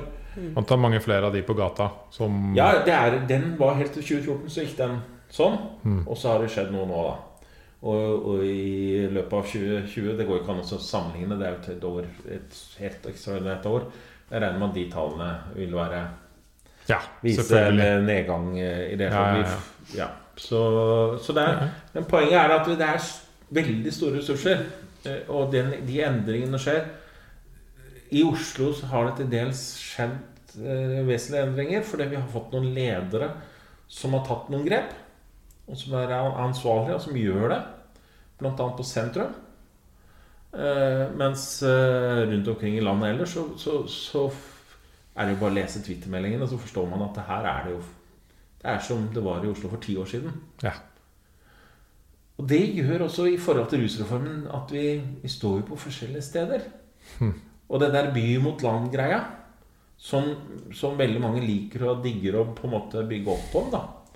Eh, At det er oss fornuftige menneskene på landsbygda mot de idiotene i byen som ikke skjønner noen ting, og som bare sitter der og drikker kaffe latte osv.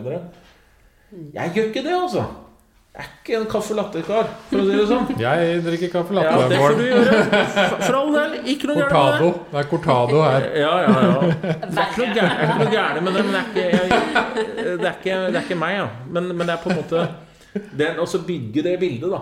For det er jo selvsagt mye mer nyansert. Men å bygge det fiendebildet til hovedstaden er blitt Ja, ja, veldig ja. populært.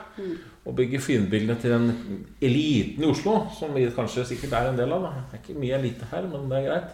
Mm. Eh, Den funker på en måte for mange veldig godt, da. Og, og derfor er denne rusreformen sånn i fare. da. Fordi det, den retorikken, den gir gjenklang hos så mange. Og så bare si at um, Først så vil jeg si at det, for oss um, Jeg tror det er veldig veldig mange som er veldig takknemlige for at uh, Bård turte å stikke ut hodet. Og, og turte å stå alene i det, da. Um, og sånn som når vi hadde alle disse høringene før, så ville det jo bare vært Norsk Narkotika- og Politiforening mot alle brukerorganisasjonene, og så hadde man liksom hatt steile fronter. Men eh, etter at LIP Skandinavia ble etablert, så fikk man jo plutselig noen ifra Selv om man kan si at det er en bitte liten gruppe, da, sammenlignet med svære Norsk narkotikapolitiforening, så er det likevel det viser at det ikke er enighet i politiet. Og spesielt så kan du si at ledelsen i politiet, der er det jo eh, stor tillit til dagens politikk. Og det er nok også vanskelig for folk, som du også var inne på, å, å, å komme og si at man egentlig kanskje syns at denne rusreformen høres ganske fornuftig ut. Og så eh, vil jeg jo også si det at selv om eh, kanskje eh, sant, Bård kan føle seg litt alene, selv om du vet at det er mange som støtter deg òg, da. Men så er det jo likevel sånn at det, Riksadvokaten eh, er jo mer på Bård sin linje enn Ja.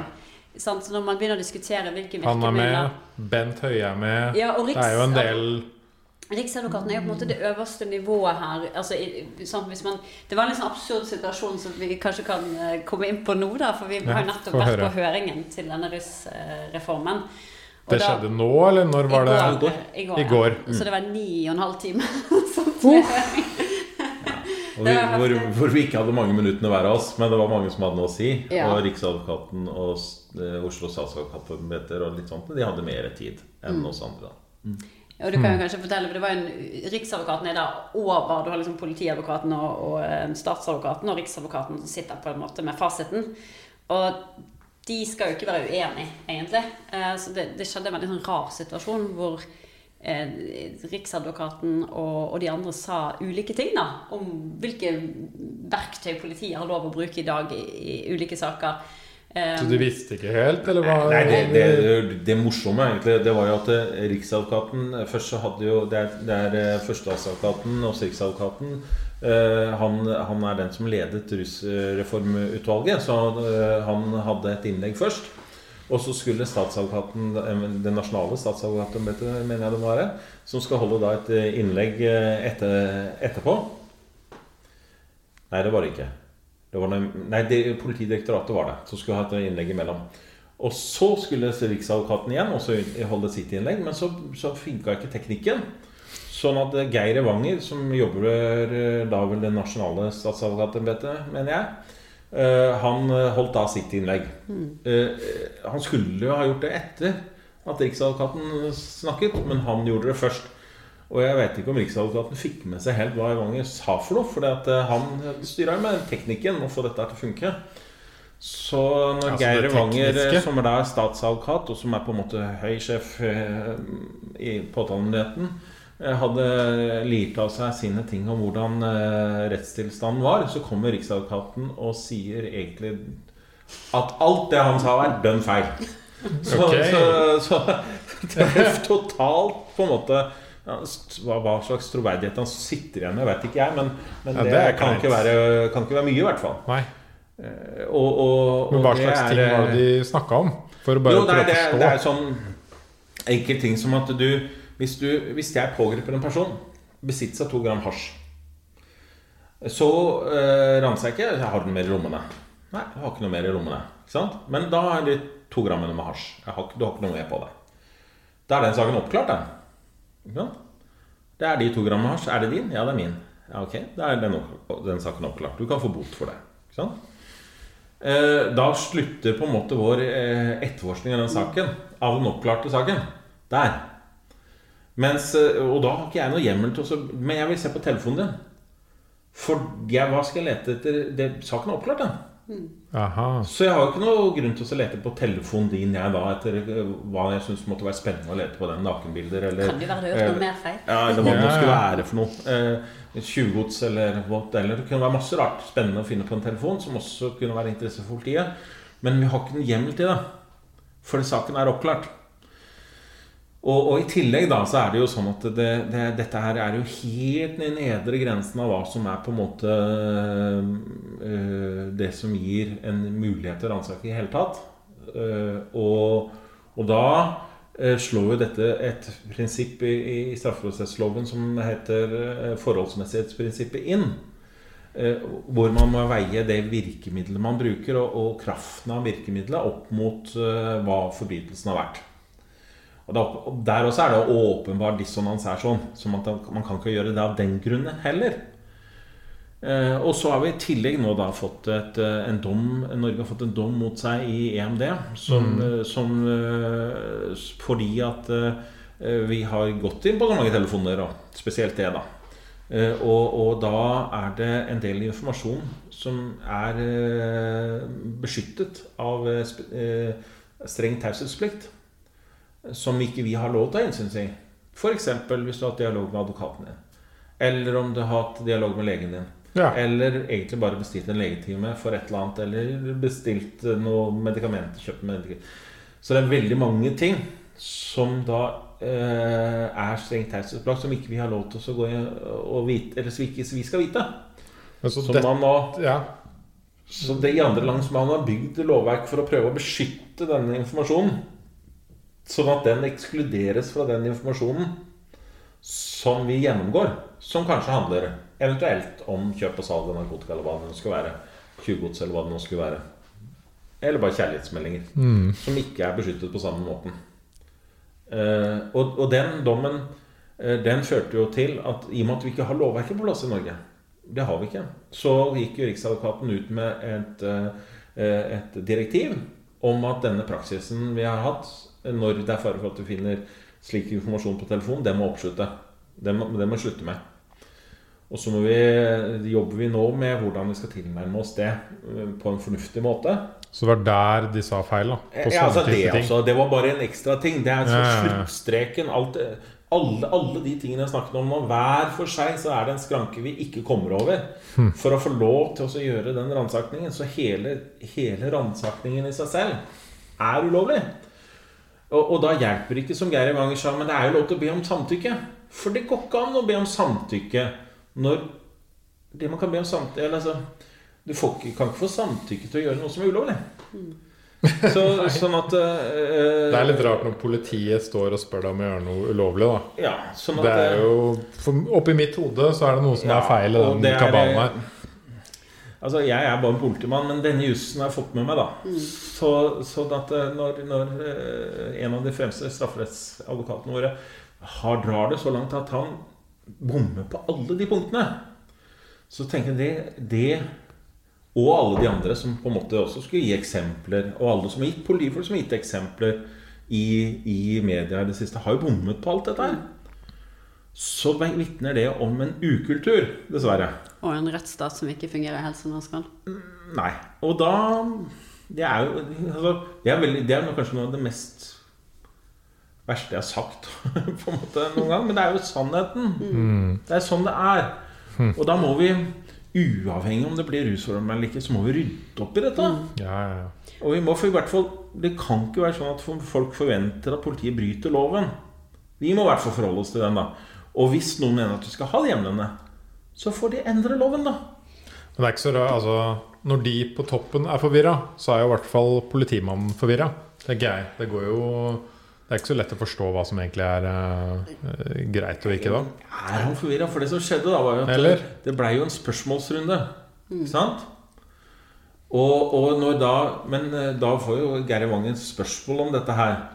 Og, så i vil, og da ble det mer sånn Hvilke tilfeller tenker du at dette kunne være en hjemmel som man har i dag, som man mister etter rusreformen? Og da begynte han å fortelle om, eh, om det. Ja, men det kunne være at man hadde opplysning om at han kanskje drev med litt salg, og så drev man og så hadde han store mengder narkotika. Alt dette alene er jo De kan jo fortsette å ransake etter reformen, det. Det er Så han juster- straffbart å straffbart Ja. Mm. Ja, Så han justerte seg jo sånn at han var innafor loven igjen. Mm. Kjapt. Når han hørte hva Riksadvokaten sa etter seg. Ja.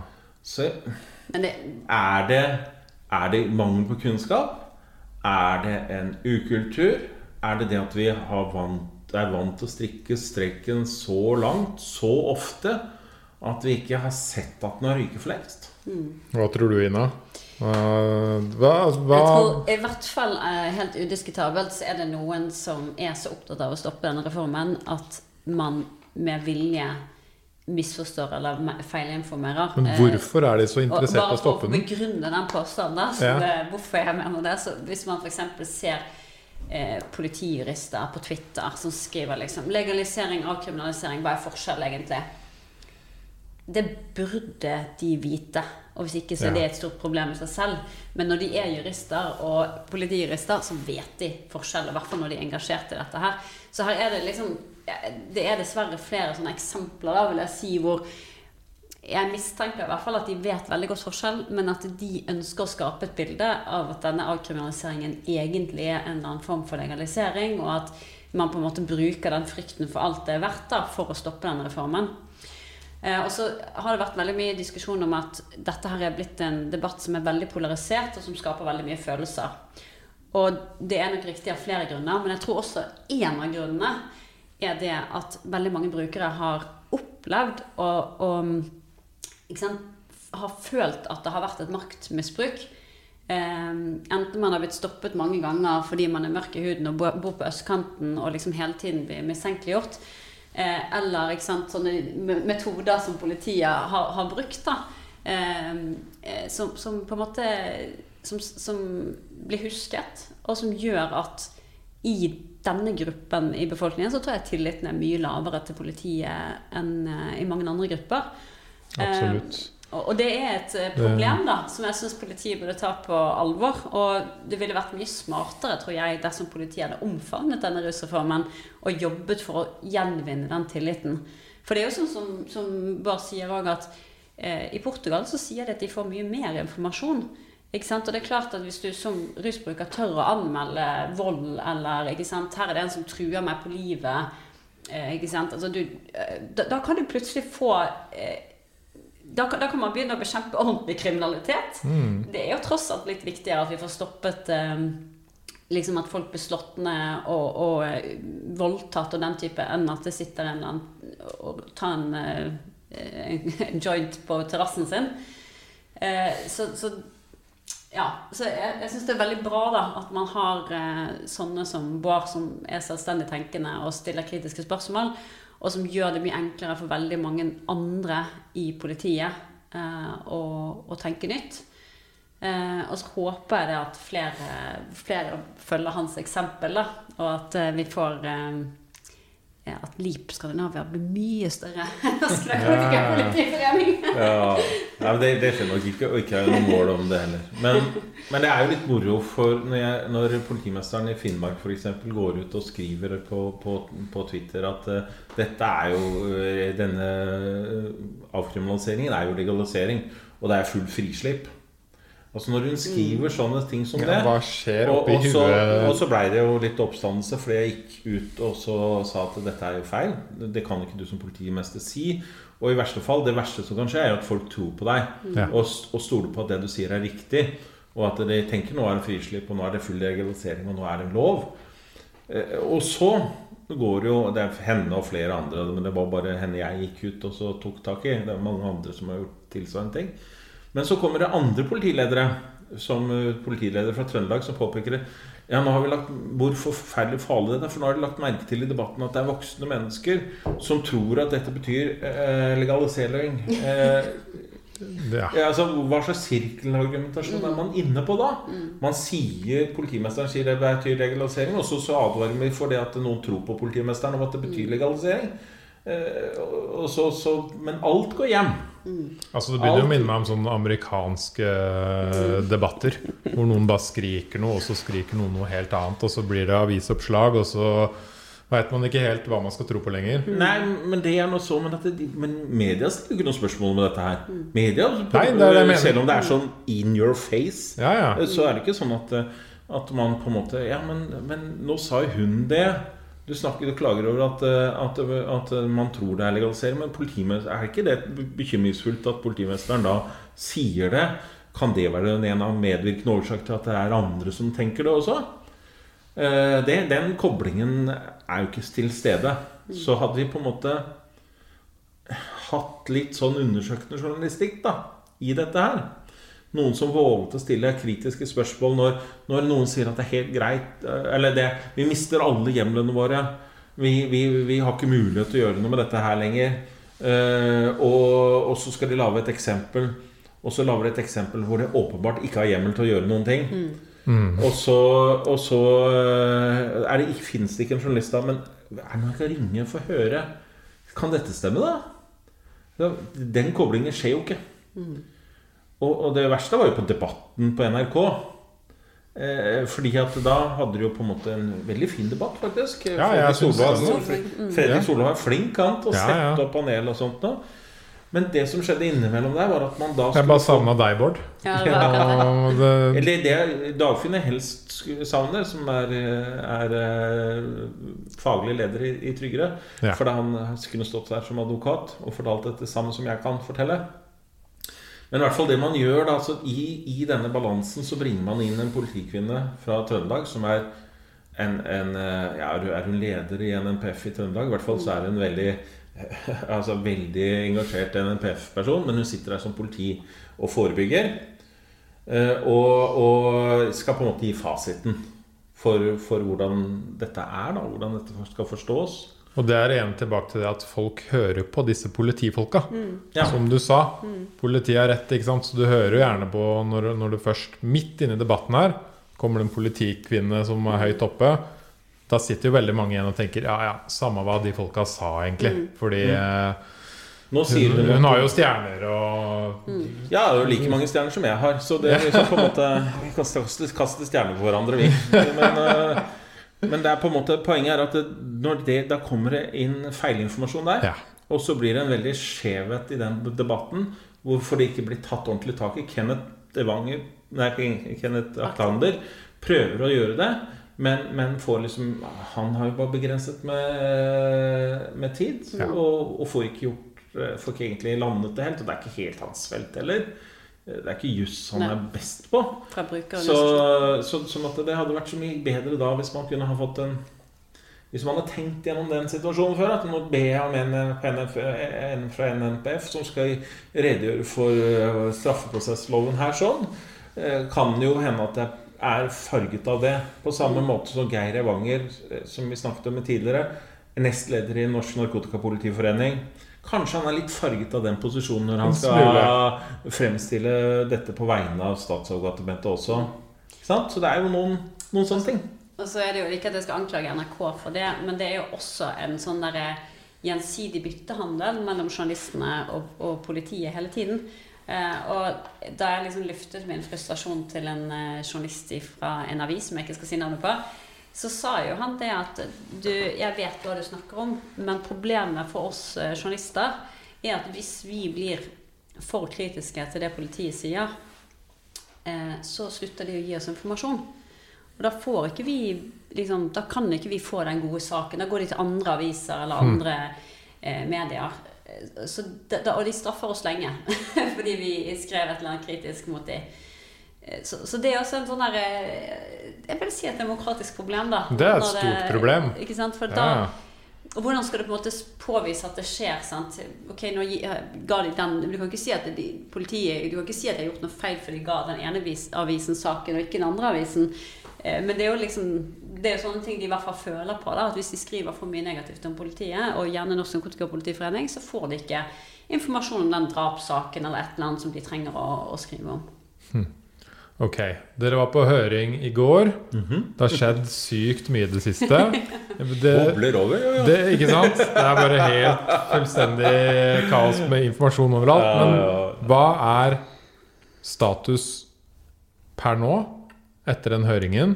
Og liksom, hva er veien fram til man får et endelig svar? Jeg kan prøve meg først, siden eh, Ina sitter med svaret. Ja, fasiten. Fasiten. Så kan jeg prøve å drodle litt rundt det først. Dere kan drodle. Eh, Ja. Ja. Nei, nei altså, høring i går Jeg tror uh, veldig mange politikere har gjort seg sin oppfatning på forhånd. Uh, det finnes noen som sitter på gjerdet. Eh, det er mange politikere der ute, Jonas Gahr Støre, som vet hvordan dette her skal eh, henge sammen, og som forstår dette, men som ikke tør å gå ned fra det gjerdet og ta et standpunkt. Så eh, Og når de ikke gjør det, så blir det de andre stemmene fort gjort som reiser seg og er tøffe, og som, eh, som eh, på en måte vinner denne kampen da, om opinionen. Det handler jo ikke om hva som er rett, det handler ikke om hva som er fornuftig. Eh, jussen er kasta på båten, mm, forskningen er kasta på båten. Nå handler det kun om følelser. Så det eneste man kan, vi kan håpe til på, er jo at vi treffer noens følelser, da. At, at, det, er, at det er, noe, er noe der vi kan spille på. For det, jeg, jeg tror ikke det At Evanger er ute og ror. At eh, andre som ser på, på effekter av, av eh, forskningen, er ute og ror. Sånne ting hjelper ikke lenger. Det hjelper ikke å påvise faktafeil eller, eller eh, noe sånt lenger. Vi står igjen med de som skal ned fra gjerdet nå. De må forstå hvor, hvor føle, på, føle på kroppen da, hva som er rett og galt. Det, og det Så jeg har kanskje utspilt min rolle sånn sett for å spille på det. For det er ikke eh, Men eh, Og det skal jeg være ærlig, så står alt på landsmøtet til Arbeiderpartiet. Tror jeg. Det er der det er. Det eh, er det som det yeah, kommer an det på. Ja, for sånn politisk eh, og hvor partiene er og sånn Det er jo ikke alle som veit så mye om det her. Hva, hvor er vi i dag, Ina? På Eh, først kan jeg si at det er stort flertall, og det, det er mange flere partier som støtter rusreformen. Eh, og så er det jo ikke alle de partiene som er like store, men det er da eh, Regjeringspartiene kommer til å stemme for. KrF er nok ikke så happy for det, men de eh, må følge resten og vil stemme for. Og så er det med støtte fra SV, MDG og Rødt. Ja. Og så er det uklart. Eh, Senterpartiet har markert seg kraftig imot. Um, ikke så overraskende, egentlig. Og så er det Frp har vært veldig krass i retorikken og sagt at dette vil de ikke ha noe av. Samtidig så ser vi òg at de har vedtatt en uttalelse som ikke lukker døren helt for rusreformen. Og vi ser også at det er veldig mange eh, flinke folk i FPU eh, og eh, med andre sentrale verv i Frp som, som ser behovet for rusreform. Så der vil jeg si at de også er ganske splittet. Og de har 27 representanter eh, i Stortinget. Og så er jo Arbeiderpartiet den store gruppen her. Eh, så uansett, liksom Hvis, hvis Ap velger å støtte, så går dette her gjennom eh, et fantastisk flertall. er AP, hva skjer med Ap da? Nå? Nei, så eh, Arbeiderpartiet har landsmøte nå i april, men det er 16. og 17. april. og Det skal være digitalt. Um, Så det er jo da om veldig kort tid, ja, før- Under en måned. ja, så er det sånn at disse fylkeslagene vil jo da bestemme seg, eller vedta politikk, før de kommer til landsmøtet. Eh, og noen eh, fylkeslag har gått inn for å altså vil støtte, f.eks. i Oslo og og i Vestlandet. Um, og så har noen eh, sagt at de ikke vil det, eh, f.eks. i nord og, og eh, det var vel Porsgrunn eh, og de områdene der. Eh, og så er det noen som da også sier at de ikke skal vedta noen politikk. Eh, som skal vente til landsmøtet og, og kanskje stå delegatene der fritt og stemme det de vil. Så det blir veldig, veldig spennende. Em, det jeg frykter, er som Dyrdal også var inne på, at eh, em, jo lenger når, når Jonas ikke vil ta ledelse, så får den siden som er skeptisk til reformen, veldig god tid til å mobilisere. Og det narrativet som er i ferd med å liksom vokse nå, da, er at dette her er en rusreform som har vært eh, pushet på fra liksom, Oslo-eliten og Oslo-makta eh, mot resten av landets vilje. Eh, og at det er egentlig Venstre sin reform, da, selv om det er Bent Høie og Høyre som, som eh, gikk inn for dette. Eh, eh, eller som, som, gjør at dette kan skje, så har man liksom gjort til at det er disse her forferdelige liberalistene da, som vil legalisere og, og sikkert ha fri flyt og alt som verre er. Og dette er et narrativ som dessverre veldig mange tror på. Og det som jeg, jeg vil synes det var, ville vært helt uh, utrolig tragisk for, for, å være helt ærlig, så vil jeg tro at Arbeiderpartiet ville være tidligere ute med en sånn reform enn Høyre. Uh, uh, I 2015 så var Høyre mot brukerrom, mot heroinassistert behandling, mot avkriminalisering, mot det meste. mens Arbeiderpartiet var for heroinassistert behandling og for brukerrom og ikke sant? De hadde eh, eh, Thorvald Stoltenberg som hadde snakket om avkriminalisering. Og det var liksom, de var virkelig på vei et sted. da. Mm. Og så gjorde Bent Høie en helomvending, som jeg syns han skal ha all ære for. Det er veldig få politikere som tør å si 'jeg tok feil'. Jeg har byttet mening. Ja, Eller veldig få politifolk. Eller politifolk ikke sant? Folk, veldig få mennesker. Veldig få mennesker ja. som, som, som tar det er lov å si at man tar feil. Altså. Ja, som, som gjør det oppgjøret. uh, og da er det um, Ja, så, så, hvor var jeg på vei her nå? Men i hvert fall så, så tror jeg det at den motstanden er i ferd med å bygge seg opp veldig, veldig raskt. Eh, og det er trist fordi vi vet jo at det er de barna eller unge med foreldre med lavere utdanning at de har syv ganger større sjanse for å bli tatt av politiet for narkotikalovbrudd enn de andre. Og det, ikke, det, er ikke fordi de bruker mer narkotika, Eh, I hvert fall sånn som statistikken fra østkanten og vestkanten i Oslo viser, så, så har det med, med, hvem som blir tatt, og hvem som ender opp med å bli straffet. Eh, så jeg vil jo si at uh, dette her er definitivt en usosial politikk, og det er en, uh, en klassekamp som, mm. som Arbeiderpartiet burde ta. Um, og hvis de nå velger å skrote rusreformen, så tror jeg de kommer til å tape veldig mye på det det, AUF støtter rusreformen, og de fleste unge i Arbeiderpartiet har inntrykk av støtter rusreformen. Så dette her eh, er litt sånn Det blir veldig spennende å se, fordi det eh, kan avgjøre liksom, hvilken vei Arbeiderpartiet tar, da. Eh, tror jeg er flere saker. Eh, og så kan vi jo si at jeg, legger min lit til Jeg håper at Støre, som er en så klok mann, eh, går ut og forteller hva han mener. Eh, i god tid. Ja, for Han sier jo ingenting nå, eller? Nei, Han har insinuert og sagt at vi vet at ikke bruk eh, Eller de ser ikke det er en sammenheng mellom bruk og, og forbruk. Um, bruk, bruk, og straff. Ja, bruk, ja. ja. Straff ikke Straff, straff ikke påvirker ja, bruken. bruken. Tusen takk på mm. Nå begynner å bli sent og sovet litt. Mm. Eh, så, så, det er jo et tegn på kanskje hvor han vil, da. Men det er jo vanskelig for han òg, for jo lenger dette her får gå altså Han er jo også en del av den Oslo-eliten. ikke sant? Ja, han er både i Oslo. Og det så, politiske spillet og hele ja, pakka. Ikke sant? Så de, han vil jo også kunne gjøre seg upopulær som leder i mm. enkelte områder i Arbeiderpartiet som har bygd opp dette narrativet. Så jeg skjønner at det er en veldig veldig vanskelig eh, beslutning, eller det, det er en vanskelig kamp da, det, som splitter partiet. Um, og nå snakker de jo om å lage sin egen modell og sånne ting, og det vil vi jo advare sterkt mot. Ja. Uh, både fordi det, de har ikke tid til det, da må vi ha en ny utredning. og det er ikke sikkert at de får med seg alle partiene hvis de kommer med en, sin egen modell om, om noen år. Nei, vel egentlig så Hvis de lave, går inn for å lage en ny modell nå, så er det for å skrote modellen. Det er ikke for at de, Ingen tror at de vil klare å snekre sammen noe eget på denne tiden her.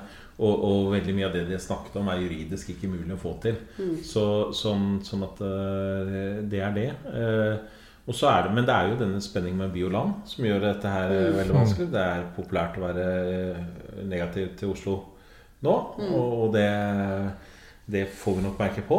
Og så er det eh, veldig besnærende og, og veldig, eh, ja, å, å, gi regjeringen en, en, rett på tygga rett mm. før valget. Mm. Sånn, at de, sånn at man kan måte, få markert seg selv der òg. Det er så det dumt, for alt det, alt, det, vi, alt det, det liksom blir snakk om til slutt, det er jo faktisk ikke de som sliter mest.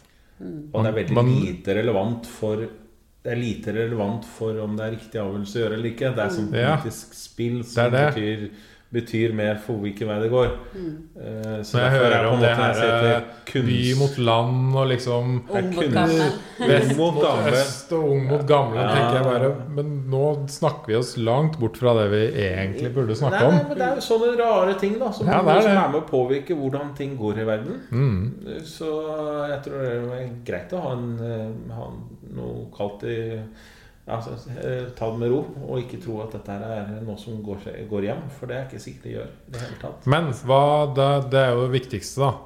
Nå står du litt på Arbeiderpartiet. Mm. Og så er det jo Altså, dere er jo flinke. Og løper rundt og liksom forteller og blir intervjua og sprer ordet. Mm. Men hva skal vi gjøre, som sitter her hjemme i hjemmene våre? Og hva er det vi kan gjøre for å hjelpe til å påvirke? Hvis vi er for. Hvis dere er imot, så kan dere Eh, ikke gjøre en dritt. Nei, du må få lov til å være imot òg.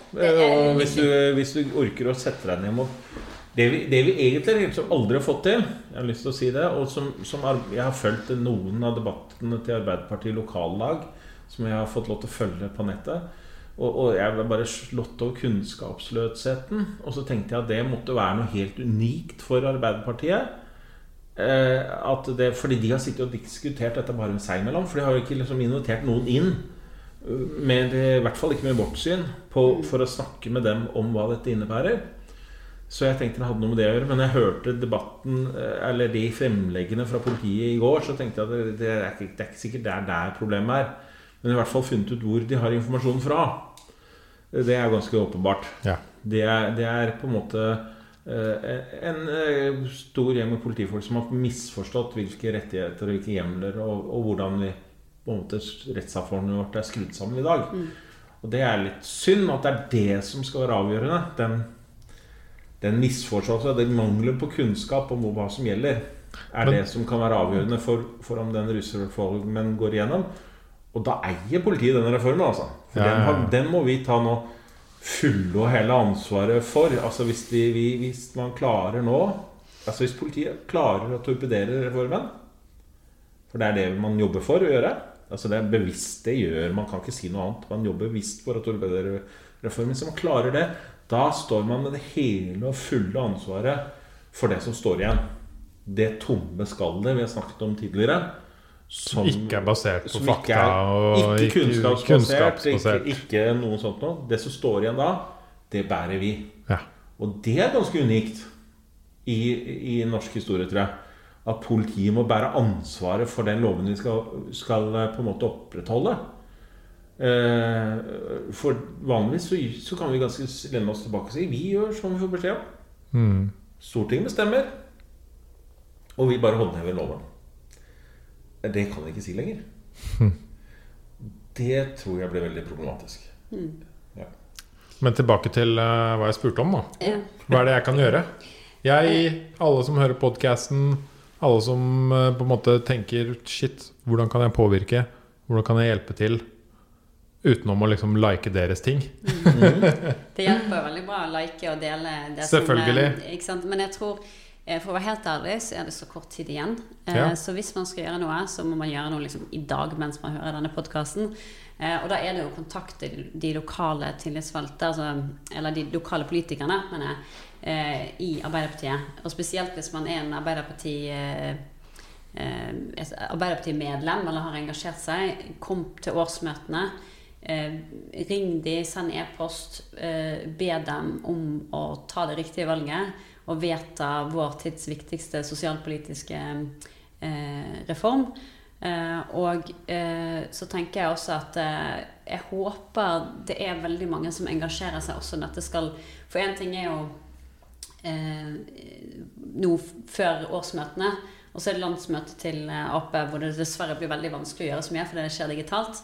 Men jeg tenker også at når, hvis Arbeiderpartiet nå eh, går inn for det, så, så må vi juble og, og rope hurra. Og jeg håper at hvis eh, det blir et flertall på Stortinget, at det er mange som er med ute og viser når det kommer fjernsyn og sånne ting, at man viser, kommer med norgesflagg og viser at dette her er noe vi jubler for. Ja, ja. Fordi det her blir jo eh, Dette vil man eh, hvis, Da vil det bli sånn look to Norway. Altså da vil Sverige, Danmark, Finland, mange europeiske land lurer på hva i alle dager som skjer her Ja, hva skjedde nå Og da har vi så stor grunn til å feire og, og eh, til Med å litt avstand, da.